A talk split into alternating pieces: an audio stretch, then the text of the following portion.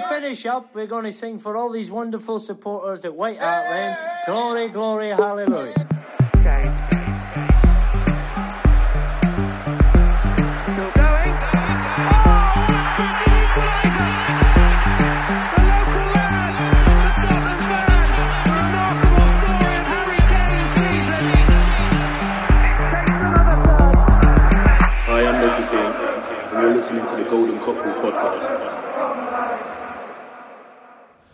Hei, alle Tottenham-venner, og hjertelig velkommen til en ny episode av Golden Cockerel. En rekordlang 2019-2020-sesong er over. Spillerne har fått seg litt ferie, og forberedelsene til en ny Premier League-sesong er nå i gang. Og med oss for å se litt bakover og mye fremover, har vi som vanlig et slagkraftig og raskt panel bestående av Leif Konrad Borsheim, Ole Andreas Olsen og TV 2-kommentator Espen Veen. Velkommen, alle tre. Takk, takk. Tusen takk. Takk for det.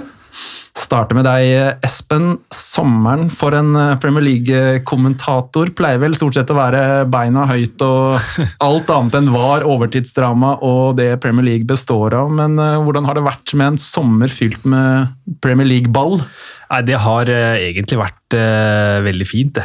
Eh, hadde tre måneder eh, og gikk litt sånn brakk. Da hadde jeg riktignok en annen jobb òg, så jeg var ikke helt arbeidsledig. Men eh, eh, når juli blei som den blei værmessig, så var det egentlig greit å jobbe 70% av dagene. Så når vi er i den situasjonen vi er i, så, så blei det egentlig en veldig fin sommer for meg. altså.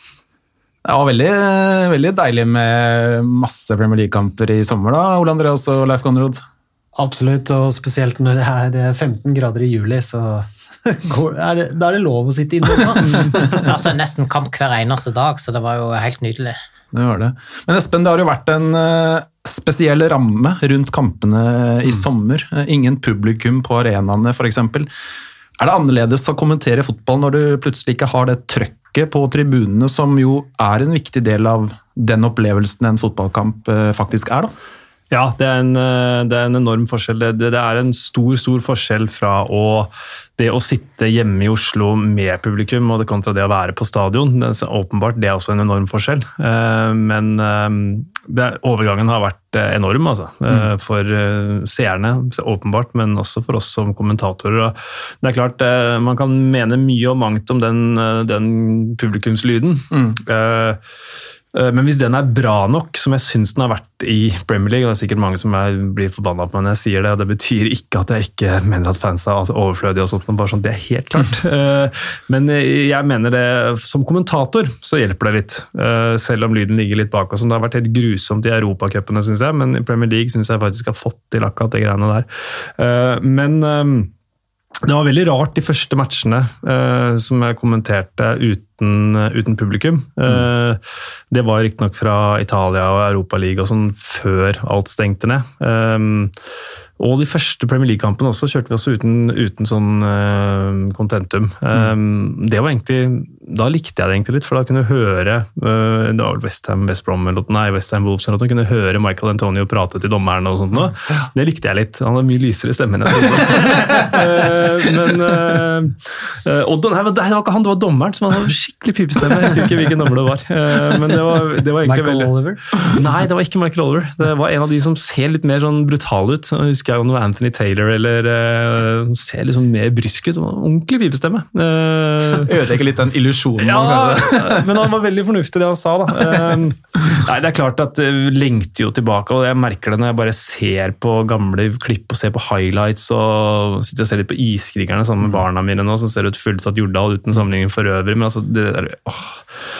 Den dagen vi kommer dit igjen, det skal bli så deilig når vi får igjen, eh, får igjen publikum og sånt. nå, så så venner man seg jo til det, men det her er jo sånne ting man venner seg til som man ikke vil bli vant til, hvis du, hvis du skjønner. Altså, og Man venner seg til det, men man setter allikevel veldig pris på hvordan det var før, og hvordan det forhåpentligvis blir gjennom ikke så alt altfor lenge. Så eh, enorm forskjell, eh, det syns jeg, altså.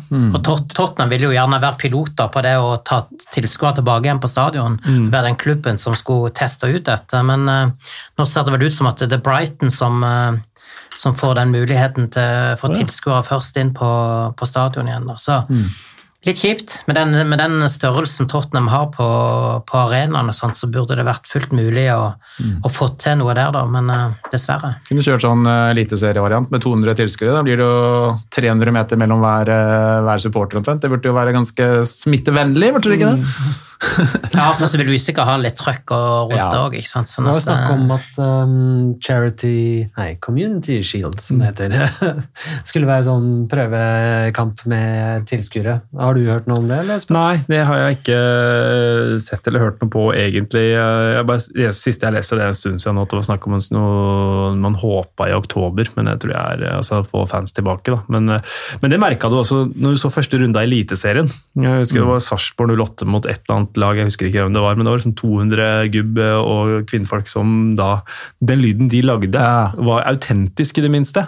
Sånn at eh, Ja, Der har de, synes jeg de har klart å lage ganske bra ramme. da. Det, Absolutt. Og så har de vel skrudd opp selvfølgelig volumet litt på, på tilskuerne og, og sånt, men eh, det er en helt annen ramme rundt eliteseriekampene enn de kampene hvor det ikke er noen da, ute i Europa. Absolutt. Så, så jeg håper det, jeg vet ikke om det med, har, det, har det noe med smittetall i Brighton å gjøre? At det var de som får lov til Nei, å gjøre det? jeg, Eller, jeg, er jeg, jeg vet ikke hvorfor de ble plukka ut, altså, men jeg leste det i går, tror jeg, at, det, at de var, de var plukka ut til å gjøre det. Men det er klart at de også, de, nå ligger jo stadion et lite stykke utenfor eh, Brighton by der, så det, folk må jo gjerne komme seg inn med, med tog som går rett utenfor, så det er litt sånn rart kanskje at de valgte valgt de, men òg at de har en stor stadion. Eh, så Kanskje det er det at det er mulig å komme inn på stadion fra mange forskjellige innganger Ja. eh, uten å møtes, Ja, nei, eh, gå gjennom en flaskehals først. Ja. ja, an, ankomstmuligheter og, Ja. og sånne ting. Jeg, jeg har ikke vært på Amex, så det vet jeg ikke. Men eh, For så vidt ikke på nye Tottenham Hotspur-stadium heller, men, eh, men eh, vi får håpe at de, at de får til noe, sånn at vi kan få i hvert fall noen tilbake på tribunen. Leif Konrad og Ole Andreas, eh, kjører dere kunstig stadionlyd, eller eh, vil dere høre dommere med litt lyse stemmer? På, Og... på første kampen mot, eh, etter pausen, hjemme mot Man United, da var jeg ute og tvitra og tagga TV 2 på at eh, få, få eh, den autentiske lyden på, eh, på hovedsendinga, da. Men eh, nå har jeg blitt veldig vant med det og syns det funker egentlig eh, helt greit. Så når, når jeg satt og så eh, Champions League-finalen nå på, på søndag, så valgte jeg med stadion, den fake stadionlyden da, for det Men jeg, sy syns jo også Vi skal ikke snakke for mye om dette, men jeg, jeg må jo si også Jeg syns jo Jeg vet ikke hvem som sitter og på en måte styrer den stadiolyden, men jeg syns jo også den produksjonen da, har blitt bedre. Ja da. Eh, og det gjør jo kanskje at folk er litt mer vennlig innstilt til det enn vi var i starten. For i starten så følte jeg det var veldig Du hørte liksom Ray, Ray, Ray, oh! Ja. Ray, Ray. Men nå er det liksom Det, det bygges opp litt mer til eh, sjanser, og det er, det er litt mer Og det, det pipes hvis det kommer et gul Altså, det, er, har skjedd litt der, da. Så, så det, har vært en utvikling, det har vært en utvikling men uh, greit. Nok om det. Uh, vi, vi eh, må jo eh, Kan starte litt da, med å snakke om eh, neste sesong. Eh, neste sesong da det er jo liksom noe vi hører ofte blant Tottenham-fansen hvert år, egentlig. Og nå er det jo snart klart for neste sesong. En sesong som ends in one, som det heter. Og det har jo i hvert fall vært en greie for Tottenham og deres supportere. Med tanke på klubbens historikk, ligger det noe optimisme i blodet deres foran seriestart om eh, to-tre uker? Ole Andreas og Leif Konrad? Eh, Noe. ehm, eh, jeg vil ikke si at det er overveldende med optimisme, dessverre. Det er mye spenning i kroppen knytta til sesongen som kommer nå, fordi det er så mye som er usikkert. Eh, Får Mourinho det til? Eh, Vi så litt bedring defensivt eh, på slutten av sist sesong. Eh, klarer vi å spille mot etablert forsvar? Eh, eh, kommer en domble til å slå til endelig? Eller sutrer han bare på trening som noen vil ha det til? Vi har fått ganske mange spørsmål eh, denne gangen, og mye om eh, hva, hva, hva, hva kan vi forvente og egentlig Hva tror vi på? Um, Så ja, nei, jeg har mye spenning i kroppen. Jeg har- har så lyst til å få en Trenger ikke å eh, knuse Everton i første kamp, men bare vinne overbevisende, altså. Um, Det, det blir en ekstremt avgjørende sang, tror jeg, eh, for eh, hvordan Tottenham vil se ut uh, framover. Og jeg tror kanskje at dette er den sesongen der uh, Livi sin posisjon står litt på spill.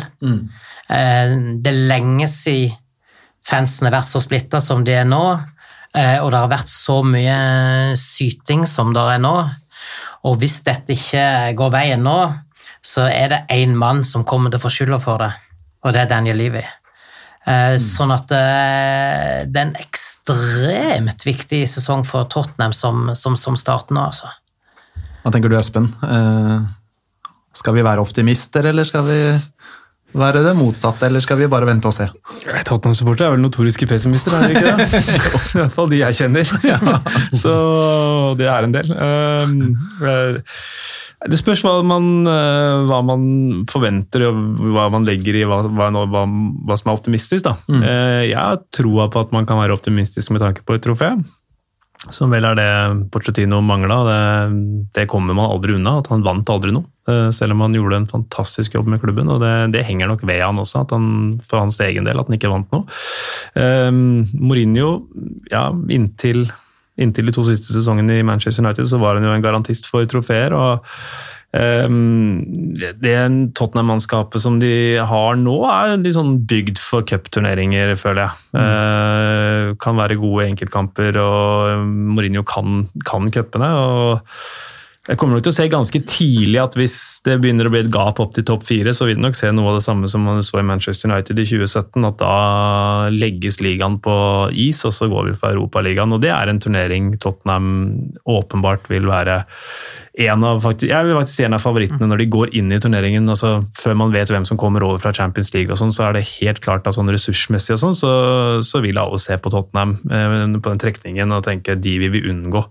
Um, i hvert fall Hvis vi ser på de lagene som er der fra, fra Spania, og sånn også, så, så er det lag som Tottenham skal kunne, kunne hamle opp med. Um, Men det er en risikabel strategi, da. veldig. For hvis, veldig. hvis de da svikter i Premier League, og i tillegg da begynner å svikte i cupene Mm. Ja, nei, jeg tror ikke det. Han kommer, han kommer nok ikke til å, Du kommer nok til å se i gruppespillet at det blir rotering, og alt mulig sånt, men de skal videre fra det gruppespillet. og så tror jeg, eh, Det vil jo tiden vise, at jeg på å si, men over jul og nyttår, når, eh, når den turneringen forhåpentlig, Vi vet jo ikke hvordan sesongen blir selvfølgelig med den pandemien vi er i, og alt mulig sånn, men, eh, men så lenge de henger med der, eh, så tror jeg det er viktig. Men jeg Mourinho er nok også veldig klar på at ligaen eh, er, er nok det viktigste. Selv om jeg også tror han tenker at hvis jeg klarer å få et trofé til den klubben her, så kommer jeg til å gå ut derfra med heva hue uansett, for da kan jeg si at hallo, jeg vant et trofé, hvem mm. gjorde Pochettino det? Nei. Mm. Så ehm, jeg tror ikke man skal være alt for, uh, ha altfor høye forventninger til fantastisk angrepsspill og, og feiende underholdende fotball som vel de aller fleste supportere er veldig glad i. Eh, det um, vil overraske meg om det blir uh, det vi kjenner i en Tottenham. Men det vil komme enkeltkamper og helt sikkert perioder hvor man gjør det veldig bra. Men jeg tror nok vi det kommer til å se en kynisme i Tottenham som vi så litt på våren og sommeren, og som kanskje ikke var det de var flinkest nok til under Pochettino. Jeg intervjuet eh, Erik Thorstvedt for et par uker siden. Et intervju som kommer i eh, kommende utgave av Tottenham-supporteren. Eh, og Da sa han følgende sitat Å havne på nedre halvdel av Premier League-tabellen er fair enough hvis de bare vinner en pokal. Enten det er FA-cupen, ligacupen eller Europaligaen. Støtter dere Thorstvedt i, i det? Nei. nei. Nei, jeg mener at eh, Premier League er den viktigste turneringa du har. Eh, Europaligaen kan gjøre opp for det. Eh, fordi at en seier i Europaligaen både gir et trofé og veien inn i Champions League. Men det å vinne eh, ligacupen, eksempel For så vidt nummer- for så vidt FA-cupen Ja. òg. Ja, det er greit nok du får en plass i Europaligaen Mm. på det, men men å gå gjennom en hel sesong med dårlig resultat i ligaen for det, det Der har Ja, vi vært før. Ja, jeg, jeg, jeg er så spent på hvordan, eh, hvordan det blir tatt imot da. Ja, han, han mente jo, han sa det at eh, altså Torstvedt sa det at eh, at det, det var så viktig for Tottenham nå å få løfta den pokalen. For supporterne, for alle. altså Det å bare få den derre felles felles opplevelsen da, av å, av å kunne eh, feire noe, juble for en pokal, at han, eh, at han mente altså, det, det, er jo, det er jo oppsiktsvekkende, vil jeg si, det han sier. Men, altså, så det han jo da egentlig sier, han sier jo at det er samme hva de vinner, det skal godt være ligacupen, da.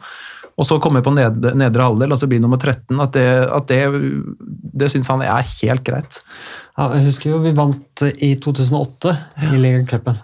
Og etter det så var jo sesongen så å si over. Vi hadde vel eh, en, eh, en fin 4-0-seier mot Westham i februar-mars der, men eh, ellers så var det var det triste, triste greier. Altså. Det, var, det var å møte opp på kamp og ja, ja. Vi har, eh, vi har et trofé denne sesongen. Men eh, ja, nei, så eh, Og, og, og sånn sett så kan du godt si at de, de siste managerne som har vunnet noe med Tottenham, er jo ikke de som har vært de som står igjen i historien som de, de mest populære. Vi snakker Josh Graham og Juan Dramos her. Mm. Så, så, sånn sett så, så, er det kanskje en Mourinho som skal, skal til for å, at vi skal få et trofé, da. Mm. Uh, Men dette, uh, Vi har fått spørsmål på Twitter av uh, Kjartan Gjertsen om hva som skal til for at vi blir fornøyde med mm. kommende sesong. Og da har jo Thorstvedt egentlig svart for sin del. Ja, for han, han har sagt hva han mener. altså... Ja mistenker jeg, og noen her har jo uttrykt allerede, at, at, det er noen som er litt uenige med det Torstvedt sier.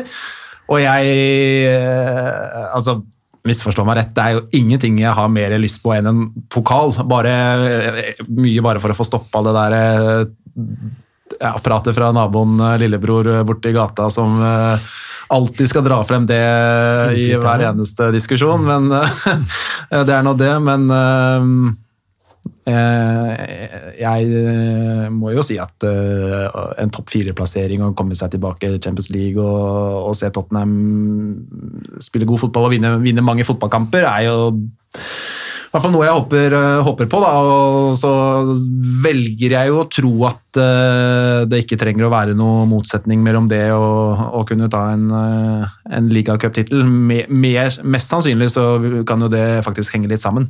Mm. Ja, men det, det, som er viktig, tror jeg, det, det med trofé, er det der å Du har vel en spillergruppe der hvor det ikke er veldig mange som har vunnet veldig mye. Uh, nå har jeg ikke det i huet og har ikke satt meg ned med det, men uh, hvor mange av de ja, Joe Hart og uh, Høibjerg som har vunnet litt. Ja, Høibjerg vant i Bayern ja. som læregutt, holdt jeg på å si. Han spilte vel ikke veldig mye. Nei, og Joe Hart det er jo en stund siden, selv om Apropos, det tror jeg er en veldig god signering, men det kommer vi sikkert tilbake til seinere.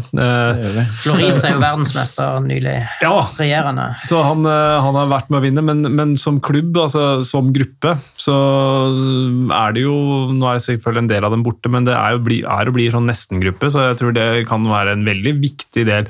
Så hvis du får en sesong, som Thorsvedt sier, da, hvor du kommer på 10., 11., 12. plass, men du vinner et trofé, så kan det være en katalysator for veien videre. da. Mm. Selv om man ikke vil være fornøyd der og da som supporter, men som supporter så vil man jo ha alt. Jeg mm. kjenner jo til det sjøl, men ja, men det er veldig sjelden i livet vi får det alt vi ønsker oss. Så hvis man må velge, så, så tror jeg i hvert fall blant de jeg kjenner, så tror jeg det er mange faktisk som ville valgt et trofé eh, mm. og en eh, litt svak ligasesong. Jeg, jeg kan innrømme det at jeg tåler en eh, tolvteplass hvis vi vinner Europaligaen. Mm. Ja. Eh, om jeg tåler en tolvteplass og vinner ligacupen, det er noe ganske annet. Skal ikke undre deg, Det er jo Manchester City-cupen, så du må slå Manchester ja. City, og det er jo et bra fotballag. Liksom, Men jeg, jeg syns det er et kjempepoeng, Ole Andreas, at for meg så blir Europaligaen og ligacupen to vidt forskjellige ting. Da. Mm. Uh, jeg jeg syns det er vanskelig å, å, sidestille det å vinne ligacupen med det å vinne Europaligaen. Det, å vinne Europaligaen er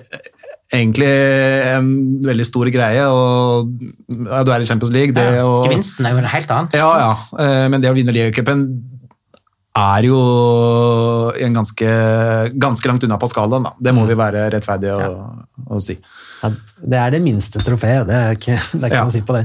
Det er det er, jo, Det er større enn Audi-cupen, det. Jeg, jeg har ikke lyst til å sitte med en følelse av at vi liksom har gitt opp en cup, eller gitt opp serien eh, på et eller annet tidspunkt. Jeg har lyst til at vi skal eh, kjempe på fire fronter. Da. Um, selv om det selvfølgelig er vanskelig, men det, nå tror jeg det er like vanskelig for alle. For nå kommer kampene tett. Uh, Ah, De kommer uansett. kjempetett i starten, det skal vi komme inn på. De kommer jo Men er det ikke sånn at ligacupen nå er uh, tatt bort? Rett og slett fordi at det ble for mange kamper? Nei. Nei. Nei, det var ikke sånn. Nei, Nei. Da trekker jeg det tilbake. Første runde av Carabao Cup er allerede trukket den, så kommer Tottenham inn i tredje runde. Vi skal komme inn på det, for det er jo et eh, kampprogram i starten som er eh, Det må være det tetteste kampprogrammet Tottenham har hatt omtrent i historien. Det kommer jo kamper omtrent eh, annenhver dag, hver tredje dag de første ukene, så det kan jo bli interessant. Det skal vi snakke litt om etter hvert. Når denne podkasten spilles inn, så befinner vi oss jo egentlig midt mellom eh, to sesonger. Eh, Det er noen uker siden den forrige omsider ble avsluttet, og så er vi et par-tre uker unna oppstarten av den nye. Og i denne episoden så vil vi la mye av fokuset ligge på det som eh, ligger foran oss. Det er ofte mer spennende det enn å stampe for mye i det som allerede har vært. Men litt må vi selvsagt dvele ved det som har vært også. og Leif Konrad, sist sesong var jo mildt sagt eh, innholdsrik og veldig varierende, eh, men det ble jo i hvert fall en resultatmessig oppsving da, etter koronaavbrekket eh, og i den påfølgende sesongavslutningen, som jo sikret en plass i Europa. Hvor viktig mener du det var for laget at, at de avsluttet såpass at de i hvert fall sitter igjen med en bedre følelse da, enn det vi hatt, enn det vi hadde underveis uh, i store deler av sesongen. Det, det er klart at det er jo helt avgjørende. For det at, eh, sånn som vi så ut før pausen, før koronaen uh, traff oss, da, da var vi jo så langt ute og sykla at det ligna ingenting. Så det at, og så brukte en jo da den koronapausen til å få tilbake igjen spillere. Du hadde en full tropp når en satte i gang. Og så kom eh, resultatene, da. Eh, jevnt og trutt, altså. Så, så, så det er klart at det, det gir jo en enorm positivitet inn i, i ny sesong. Det er ikke tvil om det, altså. 5-3-1 på de ni siste kampene, altså det var da de kampene etter eh, korona. Eh, Espen, 4-2-0 på de siste seks. Og dermed var faktisk Tottenham resultatmessig eh, det fjerde beste laget etter oppstarten. Hvorfor fikk plutselig Tottenham eh, dette resultatmessige løftet, slik du ser det? Det var, det var det ikke fjerde beste lag etter at Mourinho tok over. Han var, var Det er veldig, også- veldig viktig det, var for det, snar til å påpeke det. det er topp, eh, altså fjerdeplass både etter at Mourinho tok over og etter korona. Det er helt riktig. Ja, men jeg tror nok eh, det sånn som Leif Konrad er inne på, du fikk spillere tilbake eh, fra, mm, fra skade. og Selv om han ikke fikk trent, så har helt sikkert Mourinho hatt tid til å få innprenta ideene sine. eh, Og fikk tid til å, å stabbe igjen litt eh, bakover, og valgte vel seg ut Eric Dyer som stopper, blant annet. De ler jo litt når han eh, var borte igjen, men, eh, men jeg syns jo eh, den Leicester-kampen, var det den nest siste? Eh, ja. Det kan fort ha vært en litt sånn eh, blueprint på hvordan Tottenham kommer til å se ut. Eh, veldig, veldig gode i kontringer. Andre gang så tror jeg ikke de, de hadde ikke en avslutning før, eh, før i 40 minutt i andre omgang. eller noe. Det var bare kontrollering. og eh, Og, og vi var det eneste laget i Premier Leagues historie som ikke skapte en sjanse mot Bournemouth. Et, et skudd på mål. Ja. Så, så hadde, der er noen utfordringer her. Det er det, altså. Så selv om resultatmessig er det, ser det pent ut, så det var vel, eh, det var vel litt på håret helt på tampen mot Crystal Palace der også, selv om jeg kommenterte en annen kamp, så jeg så ikke den live, men jeg har sett høydepunktene etterpå. Det kunne gått gærent. Ja, Palace som da hadde tapt omtrent Ja, ja, da, den trodde jeg, da trodde jeg skulle ha walkover til Tottenham Ja, den matchen, fordi Palace så helt bunnløst jævlig ut, liksom. Eh, Men eh, så mm, det er veldig, gode resultater på, på sommeren der, og eh, jeg tror nok mye av grunnen som sagt er at da fikk Mourinho litt mer tid, eh, og fikk satt siden på en måte elver og fikk Kane frisk og rask igjen. Det siste er hvor eh, kan jo ikke understrekes sterkt nok hvor viktig det er. Om han var viktig før, så er han enda viktigere nå, med Mourinho bak roret. At de har han, altså. Ja, for jeg syns Kane Han har blitt så rask. Ja, ja og han, han har jo egentlig alltid vært, eller veldig lenge vært en ganske god playmaker. Og, Ja, men han har blitt lynrask på slutten der. Han har Ja. blitt den kontringsspilleren. ja, Det, var jo, det, det så, så ut som øh, Jeg har aldri sett han løpe så fort, jeg. Som i de, den leste kampen hadde han vel øh, det var, Så det, det var jo Det, det er likevel Mourinho som, øh, som skal, som skal kjøre den kontringsstilen. Eh, andre, altså målet mot uh, Lest, Ja. første målet hans mot Leicester, Ja. okay, når han løp over hele, hele banen. Ja. Han var helt ferdig. Aldri. Ja, rett Orket ikke å juble, han. På, på lagkameratene. Men vi har fått eh, spørsmål fra Petter, Petter eh, Møkkelgård. Eh, tror dere vi får se en bedring i det offensive spillet nå? Uh, ettersom det defensive begynte å sitte bedre mot slutten av forrige sesong. Tenker spesielt mot etablert forsvar, da. Mm. Og det er jo Det er det store det, spørsmålet. Ja, det er Gjør Mourinho det, egentlig? Altså, er ikke det kontringer? Og så stole på at vi har noen briljante eh, enkeltspillere for å eh, låse opp eh, forsvar? Jo.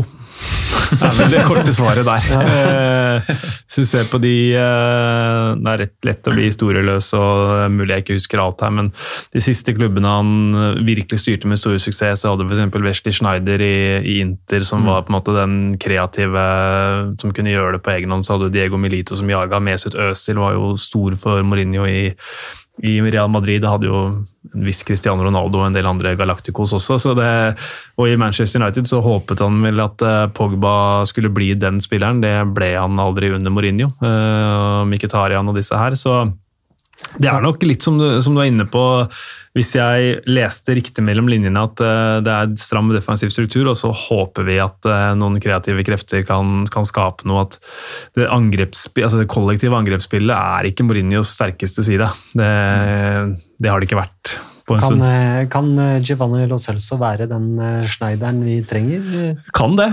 Det er en av de spillerne som jeg holder på å planlegge noen podkaster sjøl nå. Så det er en av de spillerne som eh, vurderer om vi skal lage litt sånn profil på. Om han er, eh, han er nøkkelen. Jeg syns han så veldig bra ut i, i sommer. Eh, Gi han litt frie tøyler, så, og det er vel litt av grunnen til at man har henta en Høibjerg også. eh, For Lo Celso, hvis jeg ikke arresterer meg, dere ser mer Tottenham enn meg, i hvert fall med Argus-øyne. Eh, Så Lo Celso hadde vel litt sånn varierende posisjonering. Noen ganger lå han dypt, noen ganger lå han eh, mer som en tier. Så, men Høibjerg er nok en, en mer kreativ defensiv midtbanespiller enn det de hadde fra før, sånn at det kan jo frigjøre Lo Celso lenger fram i banen. Da. Hvis det er å frigjøre, da er det som er problemet. at Ofte så, så ser du at de veldig kreative blir bedre når de kommer litt dypere også, så det er en veldig vanskelig balansegang. Men eh, Modric, er, ja, Modric er et godt eksempel på det. Pirlo uh, slår meg jo som en som også kunne ligge dypt og være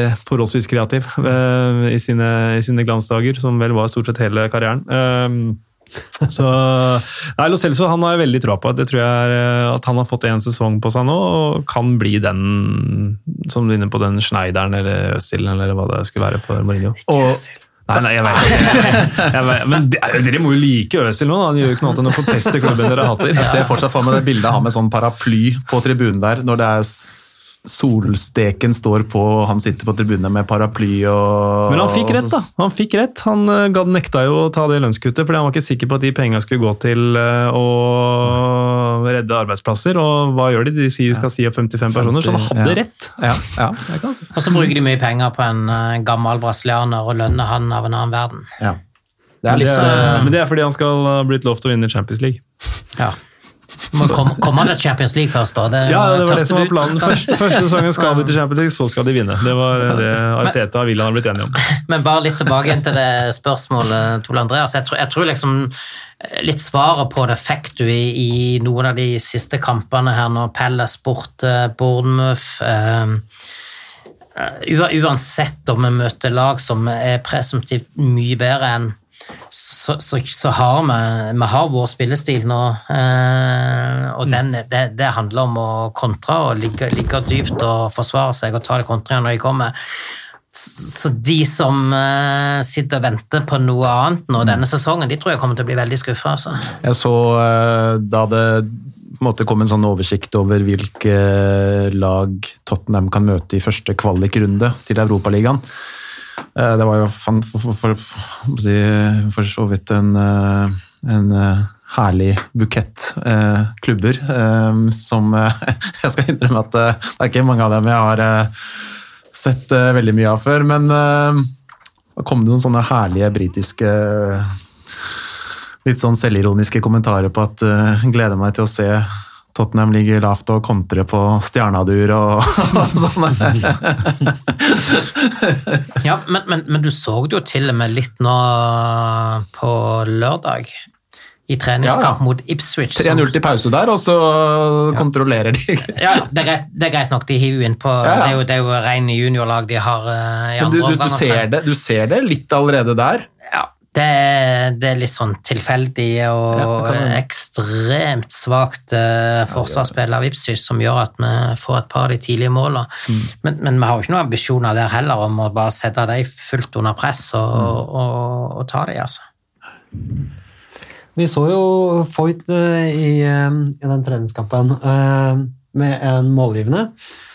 Og er han ferdig i klubben, spør Erik Johansen. Eller kan han eh, bli en sånn eh, litt mer sittende høyreback à la Ben Davies har vært på venstrebekken sist sesong, og så kan Cezinho kanskje bli den mer offensivt vandrende venstrebekken? For, for, for meg virker det som at både Foyt og Cessenio de har Det er spillere som, som ikke skal gjøre så mange feil før de er ute i kulden. Eh, Det var det som skjedde når med Freud, første kampen han fikk starte under Mourinho. Så, så hadde han jo en fæl kamp, og etter det så var han jo ikke med i det hele tatt. Så, og, og jeg har litt det samme inntrykket med Cézinor, at hvis, hvis ikke han leverer nå med en gang, så, så er veien tilbake igjen uh, veldig lang. Så, så, så det er noen Noen er favoritter, andre har en uh, har mer å overbevise mm. før, de, er- før de er der. Men jeg håper Freud, jeg, jeg har stor tro på Freud. Jeg tror han kan bli veldig bra. Så, så jeg håper at eh, han får noen sjanser nå til å til å komme seg inn på laget. Og, og sånn som situasjonen vår er på, på høyrebekken nå, så kan det jo fort være at han kan få noen muligheter. Eh, Det er veldig godt uh, poeng, Ole Andreas, for uh, Tottenham spilte jo veldig skeivt forrige sesong, med Aurier på uh, egentlig en høyre kant, da, Ja. med utgangsposisjon i, i høyre bekken, og det er klart nå tyder vel ganske mye på at Aurier forsvinner i sommer. Vi skal komme mer inn på det ganske snart, egentlig, med, med spillere inn og ut. Men og det er klart, hvis han gjør det, da, så er det jo ikke utenkelig at, eh, at Mourinho i hvert fall ønsker å ha ha det som et alternativ og kunne på en måte angripe motsatt og ha en, eh, en venstre back eh, like offensiv som det Aurier var på høyre back, og at Cézinho det, det var vanskelig på en måte å se for seg hva, hva er Cézinhos beste posisjon per nå, men at det er en offensiv backrolle, en sånn wingback, da, det, det er jeg egentlig ganske sikker på. så Sånn sett så kan jo en sånn rolle passe han eh, egentlig ganske godt.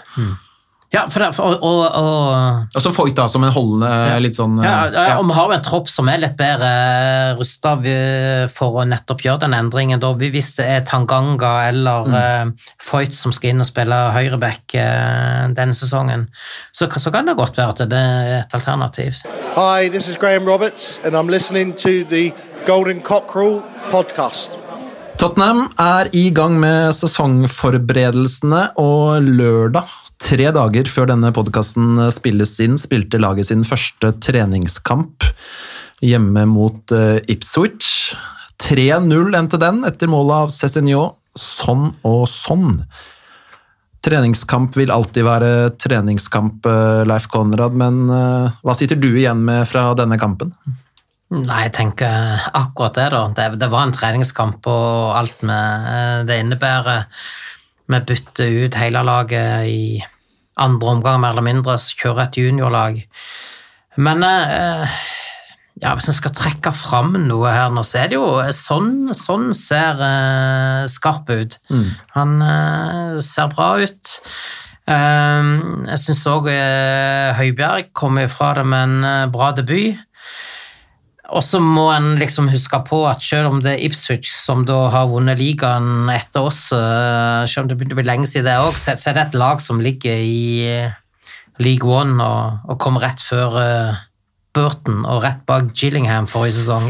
Altså, så, vi, snakker jo Vi må, vi må ta litt motstanderen Ja, og så ser jeg at det er mange som trekker fram Gedson eh, Fernandes på, på høyrebekken. Eh, at det var et veldig lyspunkt. eh, og han klarte seg bra, han. Men igjen, altså vi må, vi må se litt her mot det bedre motstand før, før det på en måte kan konkludere noe sånt voldsomt uh, ut ifra det. da.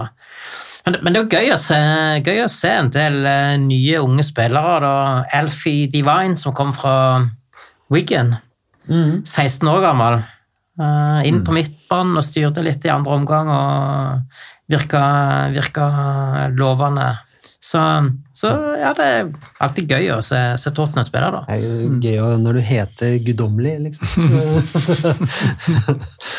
Ja, Ja, Ole vi har Andreas. fått spørsmål fra eh, blant andre Erik eh, Heimdal. Ja. Erik Heimdal 00 på Twitter. Han har også en uh, veldig fin uh, YouTube-kanal. Ja, den uh, må jeg bare skyte inn. Den anbefaler vi. Jeg legger ut veldig mye bra fotball. Veldig bredt, bred faglig fotballkompetanse, så gi han, gjerne en, en Follow gå. Ja, gå gjerne inn og, og følg med på YouTube-videoene hans. Altså, de, er, de er veldig bra. Han spør, nå skal ikke jeg prøve meg på, eh, på dialekta hans, eh, han spør hvem av de unge spillerne vi tror kommer til å slå til denne sesongen. Og han selv har jo trua på eh, Dennis Serkin. Ja, på venstrebekk. Det er vel han som var på, øh, på en måte de flestes lepper etter, øh, etter Ipswich-kampen. Eh, Fikk jo en omgang der, gjorde han ikke det? En snau omgang? Jeg Ja, husker ikke om han- snau, en snau omgang, kanskje. ja. Og spilte bra. Eh, Fikk jo veldig mye skryt i ettertid. Eh, det har jo høstet mange lovende ord om han. Altså har det jo han har vært litt på benken, og sånn, men det har jo tatt litt tid før vi har uh, fått se han uh, ordentlig i aksjon. Men uh, hva syns du, Leif Konrad? Er det, er det Tottenhams fremtidige venstreback, kanskje? Ja, kanskje, men jeg tror ikke han kommer til for mye kamper for Tottenham denne sesongen. Og det, det som jeg syns er ekstremt positivt med det som skjer nå, er jo at vi faktisk sender folk ut på lån. Eh, Sånn at de spillerne som er litt i skorpa der til bryte gjennom, får muligheten nå til, til å teste seg på nest øverste nivå. Oliver Skip, og- Troy Parrott er, er fantastiske utlån altså, som kommer til, til å gi de mye verdifull erfaring. Så jeg tror, jeg tror heller at en del av disse her eh, unge her kommer til å bli eh, leid ut. Eh, enn at vi kommer til å se mange av dem i, i Tottenham tror jeg, denne sesongen. Men tror du ikke det ekstremt tette kampprogrammet som ligger foran eh, Tottenham, gjør at han egentlig er litt tvunget til å, å holde på en del av dem også? Men samtidig så, så mangler vi mer enn et helt mannskap eh, på lørdag. Eh, og vi starta jo eh, allikevel med, med nesten bare spillere som har uh, A-kamper for Tottenham. Så at uh, stallen er ganske brei. Eh, Og jeg tror egentlig vi skal klare å håndtere det ganske bra, og jeg forventer jo egentlig at det kommer inn et par uh, nysigneringer til nå før, før vinduet stenger. Så, så, så jeg tror egentlig vi, vi er godt dekka for det. Og, og hvis vi skal begynne å gi disse erfaring Når, når ikke Skip får det, så blir jeg veldig overraska om Sørken eh, er, er den som skal få anledningen. Det blir vel en sånn cameo, sånn som Parrot fikk eh, i Premier League. som kom inn og liksom få føle litt på hva er det som er i vente. Ikke denne sesongen, men når du vokser opp, liksom. Men med Skip altså, han spiller jo i en posisjon hvor det er øh, det er lengre vei da, til spilletid, uh, i hvert fall når Høibjerg kom, uh, enn det er for Sørkin. For Sørkin så er det jo omtrent bare Ben Davies. Og så kan man jo si Tanganga for så vidt, hvis han skal flyttes. jo, kanskje? Ja, kanskje. Men, eh, så det er jo mer realistisk kanskje da, for Sørkin, hvis du ser på troppen i dag og, og får en del spilletid enn det hadde vært for Skip, da kanskje. Eh, Men, men så er spørsmålet kom- kommer vi til å vinne Europaligaen med Sørken, eller kommer vi til altså, Men det, det, det er noe med sant, å, å være litt sånn realistiske her i forhold til det nivået. Ja, han kom, jeg tror han kan bli en veldig bra fotballspiller, men, men, eh, men om, om det kommer neste sesong, er kanskje litt tidlig for han, tror jeg. Mm. Men Espen, du kjenner vel kanskje Mourinho best av alle oss? Han har vel ikke sånn veldig stor eh, historikk på å tillate unge spillere masse spilletid. Nei, han har ikke det. Eh, Det var, eh, Jeg husker ikke når det var, men det var i United-tida. Da snakket han, ble han spurt om det, og da mener han trakk fram noen Chelsea-spillere han hadde gitt debuten, og i Real Madrid så var det vel han som ga Morata altså, Så han har, trakk fram et del sånne eksempler på spillere som har blitt store i etterkant, da, men det han ikke sier noe om der, er hvordan han på en måte Jeg husker med, altså med Gru, altså hvordan han kanskje kunne ødelagt Marcus Rashford for for mange, altså med gru, sier jeg som fotballfan eh, i denne podkasten her. Da han fikk starte mot Brighton en kamp, og så gjorde han ikke noe særlig bra. og Så kommer han i pressesonen etterpå. Ja, da ser dere. Dere har mast om Rashford, Rashford, Rashford. Se hva han leverer. Han leverer altså, har gjort en dårlig kamp. og Han var vel ikke kjempestøttende med Troy Parrott når han kom inn og bomma straffespark mot Norwich uh, i FA-cupen heller. Så, eh, og sånn Ryan Sessignon og sånn, det er sånn Ja, du kan trekke paralleller til Gareth Bale, eh, ung, eh, lovende. Eh, det tok tid for Bale og sånn, ja. Og jeg tror nok for Ryan Sessignon sin del så det håper jeg at han dyrkes som wing og ikke back, fordi eh, under Mourinho så blir det fort sånn der eh, Luke Shaw-mobbing og fjernstyring hvis han skal spille back, eh, kontra hvis han er wing. da, eh, Og kan ta defensivt ansvar, men har hovedprioriterende offensivt. Så nei, altså kortversjonen er at selv om Mourinho helt Eller han driter jo i hva jeg mener, men altså ville vært det skal du ikke- ville vært uenig med, men han har ikke noe Han har ikke vist de siste ti, ti åra, egentlig gjennom hele karrieren, at han gir unge spillere så voldsomt med sjanser. Selv om eh, I hvert fall ikke over tid. Så du, jeg tror det er litt høye skuldre altså når du kommer som unggutt og skal spille for Mourinho. Så kan det være han er dritflink i, i garderoben bak kulissene, det veit vi jo ikke. Men, eh, og han slår meg som en veldig fin fyr, egentlig, på, på veldig mange andre ting. men det støtten offentlig til spillerne sine, den, det er noe som Mourinho har mista, føler jeg, etter, eh, etter at han klasja med Galacticos i Real Madrid. Unntaket var jo Tanganga forrige sesong, Ja. som, som man gikk inn og, og, og fikk spille fast, han, på, til tross for at det satt uh, mer meritterte spillere på, på benken. Ja da. Så um, det kan jo skje. Ja. Ja da, Man hadde Davides Santoni Inter også, som var en sånn ung bekk som var i Newcastle en stund, og som aldri har blitt noe etter det, men som fikk mye spilletid i den trebbelsesongen til Inter. Så han har jo selvfølgelig eh, sine ord i behold når han sier at han gir unge spillere sjansen, men, men det er ikke nærheten av hva f.eks. Porcetino drev med, og en del, del andre managere som gir gutta tillit over tid. Og interessant det med Juan Foyt, han hadde vel ikke akkurat noen kjempeførste kamp under, uh, under Pochettino, han heller. Det var litt, det var litt delt. Både lagde han straffe og skåra eller et eller annet. Jeg husker det var i hvert fall de første, første par kampene til Foyt, da var det mye opp og ned. Eh, Det har det vel alltid vært med Foyt. absolutt. Uh, det, du ser jo at han er en talentfull gutt. Mm. Som en, en uslepen diamant er vel nærmest fasiten der. Og han er jo ikke, nå er ikke han sånn kjempeung, men sånn litt tilbake til spørsmålet til eh, Heimdal også, så er det altså Foyt, hvor, eh, hvor plasserer vi han? Hva tenker vi om han? Vi kan jo ta Cézignon etterpå også. Hva Foyt Det er jo Jeg føler det kan bli alt fra salg til omtrent fast plass, altså hvis han skulle altså det, det er, Der er det så mange spørsmålstegn. Ja, jeg tror du har helt rett. Altså, han har jo vært linka til Leeds, blant annet. Nå prøver de å få Ben White, eh, som de hadde på lån sist sesong. Hvis ikke det skulle gå, så er jo Bielsa sikkert klar for å kunne hente Foyt, hvis, hvis det er en mulighet for det, da.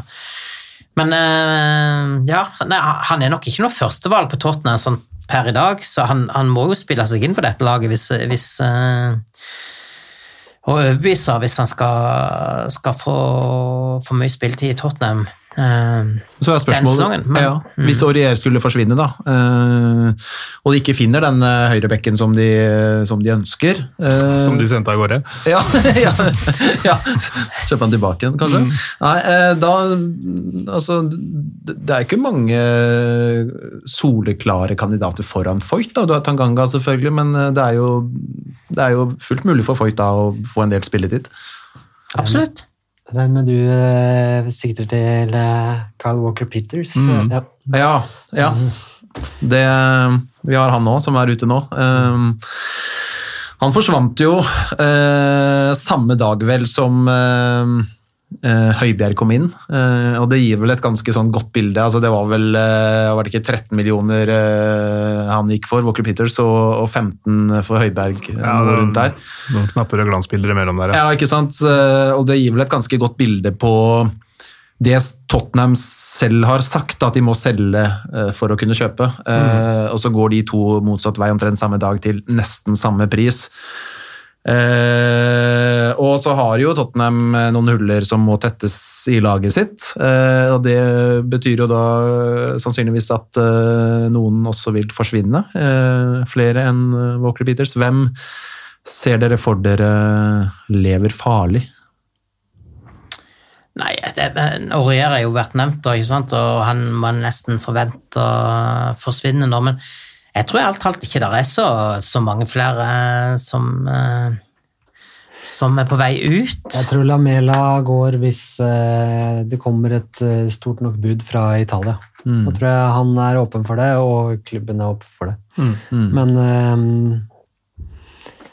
eh, jeg, tror ikke, jeg tror ikke han går hvor som helst, liksom. Jeg tror ikke ja, Han kunne sikkert gått til PSG, men jeg, vet, jeg tror ikke de vil ha han.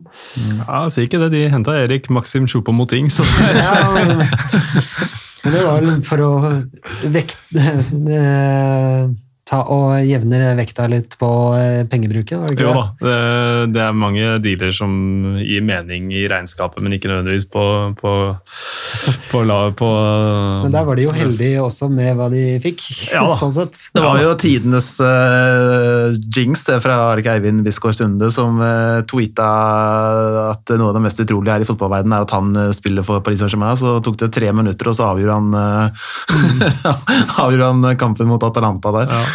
Så nei. eh, men eh, eh, hvis, vi, hvis vi, ser litt på, på øh, Hvis vi ser litt på den øh, troppen Tottenham har nå, da. Øh, vi var litt innom Sirkin, som jo kanskje er det, den unge spilleren som flest liksom trekker frem, da. Eh, eh, så så vi jo også en eh, gammel kjenning eh, på lørdag mot Ipswich. Eh, Jack Clark fikk jo plutselig Det må være debuten hans i Tottenham. Mm. hva syns du om han, Leif Konrad? Igjen, altså når det er den motstanderen og det, det laget en, en heiv ut på i andre omgang, så er det vanskelig å få sånn et klart bilde av han. Men han var jo på lån i Leeds første halvdel av forrige sesong. Satt på benken, Ja. ble kalt tilbake igjen, sendt ut til QPR. Satt på benken der hele sesongen. Så, så, så jeg, jeg tror han har en lang vei å gå før han i det hele tatt er i nærheten av uh, førstelagsspill for Tottenham. Det var hyggelig å se han i Tottenham-drakt, da. Absolutt. absolutt. Ikke bare holde den oppe. og, ble, og ble jo henta som et stortalent. ikke sant? Det var ikke måte på her hva, hva han skulle få ut av dette. Men så langt har han ikke levert, så det, han blir litt spennende å følge nå. Så, men eh, kanskje at det er et nytt utlån som er mest aktuelt for Ja, det er vel det. Eh, vi var inne på Høibjerg. Du nevnte han eh, ganske tidlig, Leif Konrad, i forbindelse med Ipswich-kampen. Eh, han, så bra ut der, uh, syns jeg, og det, det, sa, det sa jo du også. Og det bringer oss naturlig over på eh, noe av det som naturligvis står i sentrum når vi befinner oss mellom to sesonger, nemlig overgangsvinduet. Eh, Høibjerg eh, og Hart er de to som er signert i nå. Vi kan jo starte med de to, da. Er det fornuftige signeringer av Tottenham, Espen? Ja, eh, det er det. Eh, Jeg syns Pierre Emil Høibjerg har tatt, eh, blitt bedre og bedre i Southampton. Det virker som hadde vel litt sånn nasty streak innimellom og litt sånn trøbbel. Eh, Åge Hareide var vel ikke helt fan av hvordan han oppførte seg og sånn, sleit med å komme med på Danmark og sånn, men det tror jeg han fikk rydda opp i og var eh, kaptein under eh, Hassenhyttel helt til han sa han ville dra. Eh, Men det virker, som, det virker ikke som det var noe hard feelings i Southampton likevel, og det tenker jeg er et godt tegn på karakteren til fyren. At ok, han sier ok, fair enough, du vil til en annen klubb, det er greit. Men så spilte han jo spilte litt høyreback og viser at han ga alt helt til siste slutt. Eh, og du, du får til den prisen, da, selv om priser i fotball er mm, absurd å prate om, egentlig, men hvis man først skal gjøre det, så er 15 millioner for, Per, for Høibjerg det er, det er et veldig bra kjøp, tenker jeg. Ja. Eh, og som jeg snar, litt mer, altså En kreativ defensiv midtbanespiller med et, et sk- skudd fra distanse som kanskje Tottenham har savna litt etter at Eriksen uh, visla litt bort i sin uh, slutten av eh, Tottenham-karriere, uh, og ble borte til slutt. Så, og en, en Mourinho-type spiller som vil som er, Det er kassa fram og Litt sånn skalle? Altså litt Ja. sånn, ja. Det er inntrykket jeg sitter med av ham. Eh, Så det tror jeg er et, et veldig godt, godt kjøp. Ikke spektakulært, og sikkert ikke noe som får eh, fans nødvendigvis til å, til å juble og sprette champagnen, men eh, det er greit å ta seg en pint, altså, fordi man har eh, Jeg, jeg tror det er en spillertype som, mm. som Tottenham har savna. Når jeg bare ser bildene av han fra enten det er fra treningsfeltet eller fra kampen nå, og intervju med han, så virker han oppriktig ekstremt glad for å være i klubben og, og si både i forhold til det sportslige, i forhold til det menneskelige i forhold til det hele, så, så føler han at han er, er der han ønsker å være nå. Ikke sant? Så, så, han, også, så han drar med seg en del sånne gode input der, tror jeg. eh, eh, Som, og, og har eh, lederegenskaper som, som laget definitivt trenger. Så jeg tror det der er en kanonsignering. Altså. mm. Og det som jeg, det som jeg tenker, da, er at eh, altså fyren hadde jo tvers gjennom oppriktig lyst til å komme til Tottenham. Altså, han eh, skal jo visstnok da ha takket nei til eh, høyere lønn andre steder. Eh, han ville til Tottenham. Eh, Det i seg selv uh, syns jeg er en, eh, en faktor som, eh, som egentlig er ganske viktig. Da. Eh, det, er, det er ikke en spiller som kommer fordi man har kasta hele penges, pengebingen til eh, onkel Skrue eh, etter han. Eh, og så eh, har han Premier League-erfaring, altså etter hvert ganske mye også. Mm. Og og er storklubberfaring fra Bayern München. ja, for det er klart det er altså, Som Espen sier, da, det er kanskje ikke liksom Kanskje ikke verdens mest eksotiske overgang da, eh, med Høibjerg. Det hadde kanskje vært mer eksotisk hvis de henta en sånn Didier Loa-Loa, en, eh, en sånn eh, som har herja i en eller annen eh, i La Liga eller noe sånt i, i fem sesonger, liksom. Men så, så, så er jo historien full da, av eksempler på spillere som, som har slitt med å takle overgangen til Premier League. Da. Og det, det, det trenger vi ikke å, det er ikke noe tema her. Altså, han hadde jo litt trøbbel, han også, Høiberg, i starten, men nå har han jo vært der lenge og, og fikser jo den ligaen tvers gjennom. Mm. Så, eh, nei, og pluss, som du sa, Leif Konrad, at dette er jo en, eh, en spillertype som kan gå inn i en posisjon hvor Tottenham har savna, mm. savna virkelig Og det en Espen sa i stad også, at Ja. han eh, kan frigjøre Lo Celso på, på å være kreativ, være offensiv. Um, Og, kan, og kanskje frita til og med en Dombeli fra en del av en, de defensive pliktene som han kanskje ikke har levert helt på. At han kan få en ny vår òg inn i, i dette her, da. det hadde vært gledelig. Eh, nå er vi i overgangsvindu, og det er jo to navn som går igjen i spørsmålene. Det er eh, en Dombele, og så er det Gareth Bale. Bale, ja. Um, ja. Nå, eh, hvis vi, eh, nå snakker vi om en dombele nå nettopp, så vi kan jo ta han først. da. Det er jo noen eh, eh, rykter eh, som eh, sier at han er eh, ufyselig på trening, en eh, drittsekk mot eh, de andre i klubben og gidder ikke eh, mer enn han må for å heve lønna si. Så hvis det er tilfellet, så eh, kan jeg ikke skjønne noe annet enn at han blir solgt. Jeg har ikke lyst til det, men eh, hvis det er tilfellet, så vil jeg heller det enn at han forpester Altså, hvis.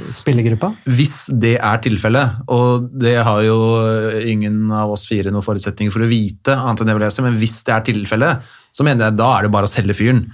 Det er det ikke noe tvil om. Da kan han være så god han vil og, og være det største talentet og ha et kjempepotensial, men hvis, hvis, hvis, det er tilfellet, hvis det stemmer, så, så er jeg ikke et sekund i tvil. Da må jo Tottenham bare selge fyren. Jeg, jeg leser ganske mye om Tottenham, men jeg har ikke fått med meg de ryktene der eh, ennå. Og, jeg- og jeg er ganske sikker på at hvis det hadde stemt, så hadde han vært ute av klubben for lenge siden. Ja.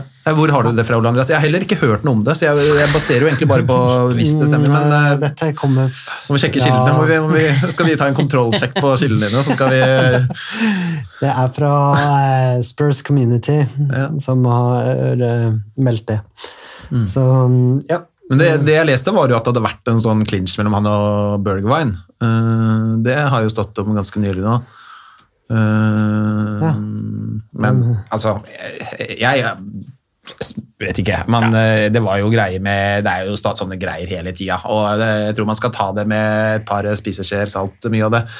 Eh, og hvis det er sånn som du sier, Ole Andreas, så, så forsvinner den jo mest sannsynlig. Uansett. ja, og jeg håper jo du har rett der, Leif Konrad, at eh, hvis dette hadde vært tilfellet, så hadde han vært ute for lengst. Ja. Men uh, det er jo eh, også dette med at det er rekordsigneringen. Det er et prestisjeprosjekt for uh. Jo, men ikke, ikke hvis du er en drittsekk mot alle rundt deg. Da, da er det prestisjeprosjektet lagt eh, dødt, og så er det bare å komme seg videre. Det, det, altså, det er jo ikke, er ikke noe å snakke om. men, men hvis- Apropos det, så er det jo Bale ikke sant, som du skal hente inn, som sitter, som sitter og koser seg på benken nede i Madrid og gjør alt mulig annet enn å, enn å spille fotball. Altså, golf, Men det- golf Wales og Madrid, er det ikke det som er prioriteringen? Tror, er det noen som tror at det kunne vært en god match? da? At eh, han hever Tottenham, og Tottenham hever han? Hva tror du, Espen, som ser det litt utenifra? Nei, jeg, eh, jeg hadde jo elska å få Gareth Bale tilbake først og fremst å spille fotball. Da. Det hadde vært Ja. ålreit, annet enn for Wales og til Premier League. Det hadde vært en, en drøm for uh, en som meg, det, som er så heldig å få jobbe med det. Så uh, jeg håper jo virkelig det er uh, mulig å få til, men eh, Tror du han er motivert nok? ja, det tror jeg nok. Eh, Men jeg, skjønner jo at han koser seg. Han hever milliarder, holdt jeg å si. å Sitte nede i Madrid og kose seg i sola og spille litt golf og sånn. Kanskje er han den typen som bare Ja, det er, fotball er kult, liksom, men så viktig er det ikke. Det, men du ser når han spiller for Wales, så er det åpenbart at, du, at han bryr seg. da. Uh, Så han er ferdig i Madrid. Uh, Men om han kommer til å heve lønnen et år til eller to til, jeg vet ikke om det er ett år han har igjen av kontrakten. Ett år igjen, sies det vel, ja. Ja, øhm, og han er, har ikke noe framtid der. Øhm, så hvis øh, man er villig til å overta lønna hans, det er vel det mest det det går på. Å kjøpe han ut, tror jeg øh, Real Madrid vil være godt fornøyd med en, ja, en betydelig mindre pengesum enn de kunne fått som han dro til Kina for et år siden. De var vel ikke så fornøyd med at han takka nei til det. Uh, så, så det blir øh, Det hadde vært helt fantastisk, uh, og det tror jeg tror det er ikke mange Tottenham-supportere som ville sagt at vet vet hva, vi trenger ikke Gareth Bale, han er ferdig. og sånn. Jeg tror- altså, Det kan jeg ikke fatte og begripe i så fall. Eh, Det ville vært en sånn her eh, homecoming, og den fortapte sønnen er tilbake, og alt det greiene ville vært eh, ville heva forventningene og stemningen voldsomt. Drøm, det er drømmesignering til Tottenham, tenker jeg, i sommer. Det er Gareth Bale. Men det avhenger selvfølgelig av at de klarer å gjøre en deal med Real Madrid, og, og, og det krever at eh, Real Madrid betaler ganske mye av lønna hans eh, Ja, siste sesong. Ja, minst. Altså, eh, vi har ikke økonomi til, Nei, er til, til, til å gi han eh, Og jeg er ikke styreformann til det heller, så Men jeg, jeg spurte Shayan, kjenner dere kanskje til? Real Madrid-supporter på sin hals. jeg vet hun det er. Ja, jeg sendte han en eh, melding via, via Twitter bare for å spørre litt om Bale, for han eh, følger jo tett, på, tett med på Real Madrid. eh, og det han svarte, da, er at situasjonen til Bale i Real Madrid er egentlig veldig enkel. Zidane har null tro på spilleren, og de har et iskaldt forhold. De høye herrene i Real Madrid ønsker desperat å selge han, til og med gratis per dags dato, for å bli kvitt lønna hans. Problemet her er faktisk Bale og agenten hans som nekter å dra. Han har kontrakt til 2023. Å ja, da er det tre år igjen, da. Og agenten hans sier at han ikke flytter på seg. Money talks, står det til slutt. Hmm. Så Men det er mye som har vært skrevet i stein på sånne ting, for uh, da kommer noen og risser det ut. Så ja. uh, jeg syns det er vanskelig å forestille meg at Gareth Bale skal uh, sitte der Han er 31 nå, eller noe, Ja, der han blir 33-34 og bare Ja. golfe, selv om det går direkte imot det jeg sa i stad, kanskje han er den typen. Så ja, man, jeg tipper jo guttene vil spille fotball. Men jeg, jeg føler jo det han bestemmer seg for nå, da, fordi at det er jo et bunnpunkt. Sånn som det er nå, føler jeg. Eh, når han sitter der og, og lager sånn kikkert med mm, kampprogrammet omtrent og under kamper og, og hadde ikke sånn der sovemaske foran eh, Nei, det var eh, korona Eller sånn munnbind som han hadde tatt over øynene. i ja, og satt og sov da i hermetegn under kampen der, og virker jo helt Eh, Så det virker jo som det er sånn bunnpunkt. Og så føler jeg da at det Bale bestemmer seg for nå, eh, det sier jo egentlig eh, alt om hva som på en måte hva han, hva han vil, da. Hvis han, hvis han vil bare sitte der og tjene penger, eh, eller kan man si, gå til Kina og skulle tjene enda mer, da. Hvis, hvis det er det han vil, altså hvis, hvis pengene er viktigst, så så, så, så er ikke dette en mann eh, som Tottenham egentlig sannsynligvis eh, bør eh, være så veldig gira på å få uansett, hvis motivasjonen hans ligger der. Mens hvis han er sulten nå på ok, han kan gå kraftig ned i lønn, men han vil få fart på karrieren igjen. Spille, spille mye og bli satsa på og bli dyrket og, og sånn, så, så, så gjør han jo det. Så det er jo jeg tenker Her må jo bare Bale bestemme seg for hva han vil, da. Så det høres ut som vi er ganske enige om at uh, dette henger på Bale. Ja, Eh, Fordi vi vil vel ha ham. han. Det er som Espen sier, vi sier vel ikke nei til Bale hvis Hvis han, hvis han tar det lønnskuttet og ja. ja. Ja, vi får se. Det, han har vel vært linka til Tottenham eh, Hvert eneste overgangsvindu og omtrent siden- jevnlig imellom. Ja, det er han og da, Damio, Leandro Dam, Damio, er det ikke de som har Ja, vært eh, Damiao. Damiao. Ja. Um, jeg tenkte vi skulle gå litt tilbake til han andre vi har henta i sommer. Ja. Vi, sier jeg. Vi har ikke henta han. Tottenham har henta han. Uh, Joe Hart. Eh, det er kanskje ikke en overgang som får det til å sånn, bruse i blodet og, og alle hår eh, reiser seg, men eh, det er kanskje ikke en sånn veldig dum spiller å hente Leif Konrad. Han er jo homegrown og Ja, på, på, decent alle- keeper, er han ikke det? på, på alle de tinga der så, så treffer han jo 75 landskamper Mm. for eh, England. eh, kan sikkert være med og bidra inn mot de yngre keeperne i, i klubben og i hele tatt. Men han har jo ikke levert på eh, flere sesonger nå. Altså Sportslig sett så har han vært eh, svak. Eh, og, og ikke benytta eller tatt sjansen han har fått i. Så, så, så jeg har jo ikke tro på at han eh,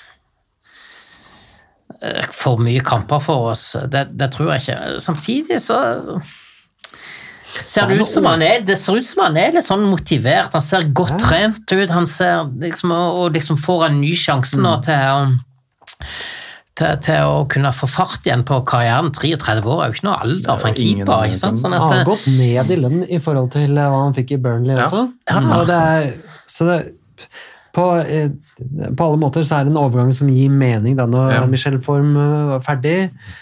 Eh, om eh, hvem av de som er best keeper, det er litt sånn hva? Ja, det er ikke helt sikkert. Nei, det er Joe Hart. Ja, det er Joe Hart. Ja, og, eh, og eh, ja, i tillegg til lavere lønn, eh, homegrown, eh, han tar ikke opp noe utenlandsplass, eh, og er engelsk som er veldig viktig for unge engelske talenter. Så Mm. tenker jeg det ja, eh, altså, kunne ikke gjort det bedre, Nei, egentlig. jeg- det... Sånn på, på tredjekeeper eh, Jo, men spørsmålet er jo da hva gjør eh, Om han er tredjekeeper. Ja, hva, hva, hva gjør eh, dette med, med keeperkabalen da i spørs Hvem er andre keeper og hvem er tredjekeeper nå? Jeg hørte Mourinho bare sa det at nå kunne han sove veldig godt om nettene, for det at nå hadde han tre keepere, og det kom til å bli så mye kamper at til og med keepere måtte Ja. han begynne å rullere på. Eh, Så både i forhold til skader og det å kunne rullere, så hadde han tre keepere som han kunne stole på. nå. Det er kult for Vorm å høre, da. Endelig får Mourinho sove igjen, for nå er det Vorm jo, ute. men fikk en kamp, Ja, det gikk ikke så og bra, det da sendte oss ut av Ja, cupen. han klarte Men Joe Hart han starta med clean sheet, han. Ja. Mot eh, Ipswich. I hele 22 minutter. Ja. Er det første gang en keeper er uh, bytta inn ved pause og tatt ut 20 minutter senere uten skade? Nei, det er vel kanskje ikke det. en treningskamp. så- Så. Men eh, hva tenker dere om eh, altså Loris er jo selvfølgelig eh, første, førstevalget, soleklart eh, sådan, men eh, Espen, hva tenker du? Hvem er andre keeper? Altså, hvem, for det, det kan jo fort ha en del å si for hvem som skal spille en del ligacupkamper og europaligakamper og sånt. Mm, jeg tror Joe Hart blir andrekeeper. Mm. Mm. fordi han eh, er eh, så innstilt på den rollen der. Jeg tenker vel Gazaniga, nå har ikke jeg huet hvor gammel han er, men han må jo begynne å få ambisjoner om å spille fotball. eh, ikke bare sitte på benken. Eh, så sånn sett så tror jeg Joe Hart er en mye mer ideell annenkeeper å ha eh, i klubben. Gazzaniga er eh, 28 år. ja, 28 år. Så det overrasker meg om han hvis, hvis han er bedre enn altså, Han så jo bra ut, og mener jeg var i den poden her forrige gang og snakka om at han ikke så så veldig mye dårligere ut enn Loris. Eh, Da hadde jo Loris vært litt sånn sjanglete, men, men det er ikke noe særlig tvil om hvem som er best av de to. Uh, Gazzaniga er nok kanskje en bedre keeper enn Joe Hart, men, eh, men jeg tror Joe Hart en, blir en bedre mann på benken eh, i garderoben for, uten at jeg vet noe om Gazzaniga, kan være han er verdens mest lojale type. Og, men du ser det i, de, i andre store klubber også, hvor du har rutinerte keepere som på en måte godtar den, eh, den rollen der. og som Leif Konrad var inne på, 75 landskamper. Um, var vel ikke stor i Westham, det skal ingen si. Og helt ok i Burnley med, når han plutselig fikk spille der, men var jo rett uten at Tom Heaton kom tilbake. så um, men han har to ligatitler og um, er en rutinert mann som veit hva dette handler om. og Hvis han kan da um, være en, en viktig rolle, som dere var inne på, som de andre keeperne i klubben, andre spillerne i klubben, han har vunnet ting. uh, Han veit åssen det er. Um, så eh, jeg er ganske sikker på at han blir andrekeeper til Tottenham denne sesongen. her faktisk. Så er det jo litt sånn som eh, vi snakket om i forbindelse med Høibjerg. Da. Det er litt skalle, Joe Hart også. Absolutt. For det, ja. Ja, og det, nettopp det at han er så klar på Jeg leste jo på nettsida til Tottenham før jeg kom hit, og han sa jo jeg er en lagspiller, det har jeg alltid vært, det kommer jeg alltid til å være.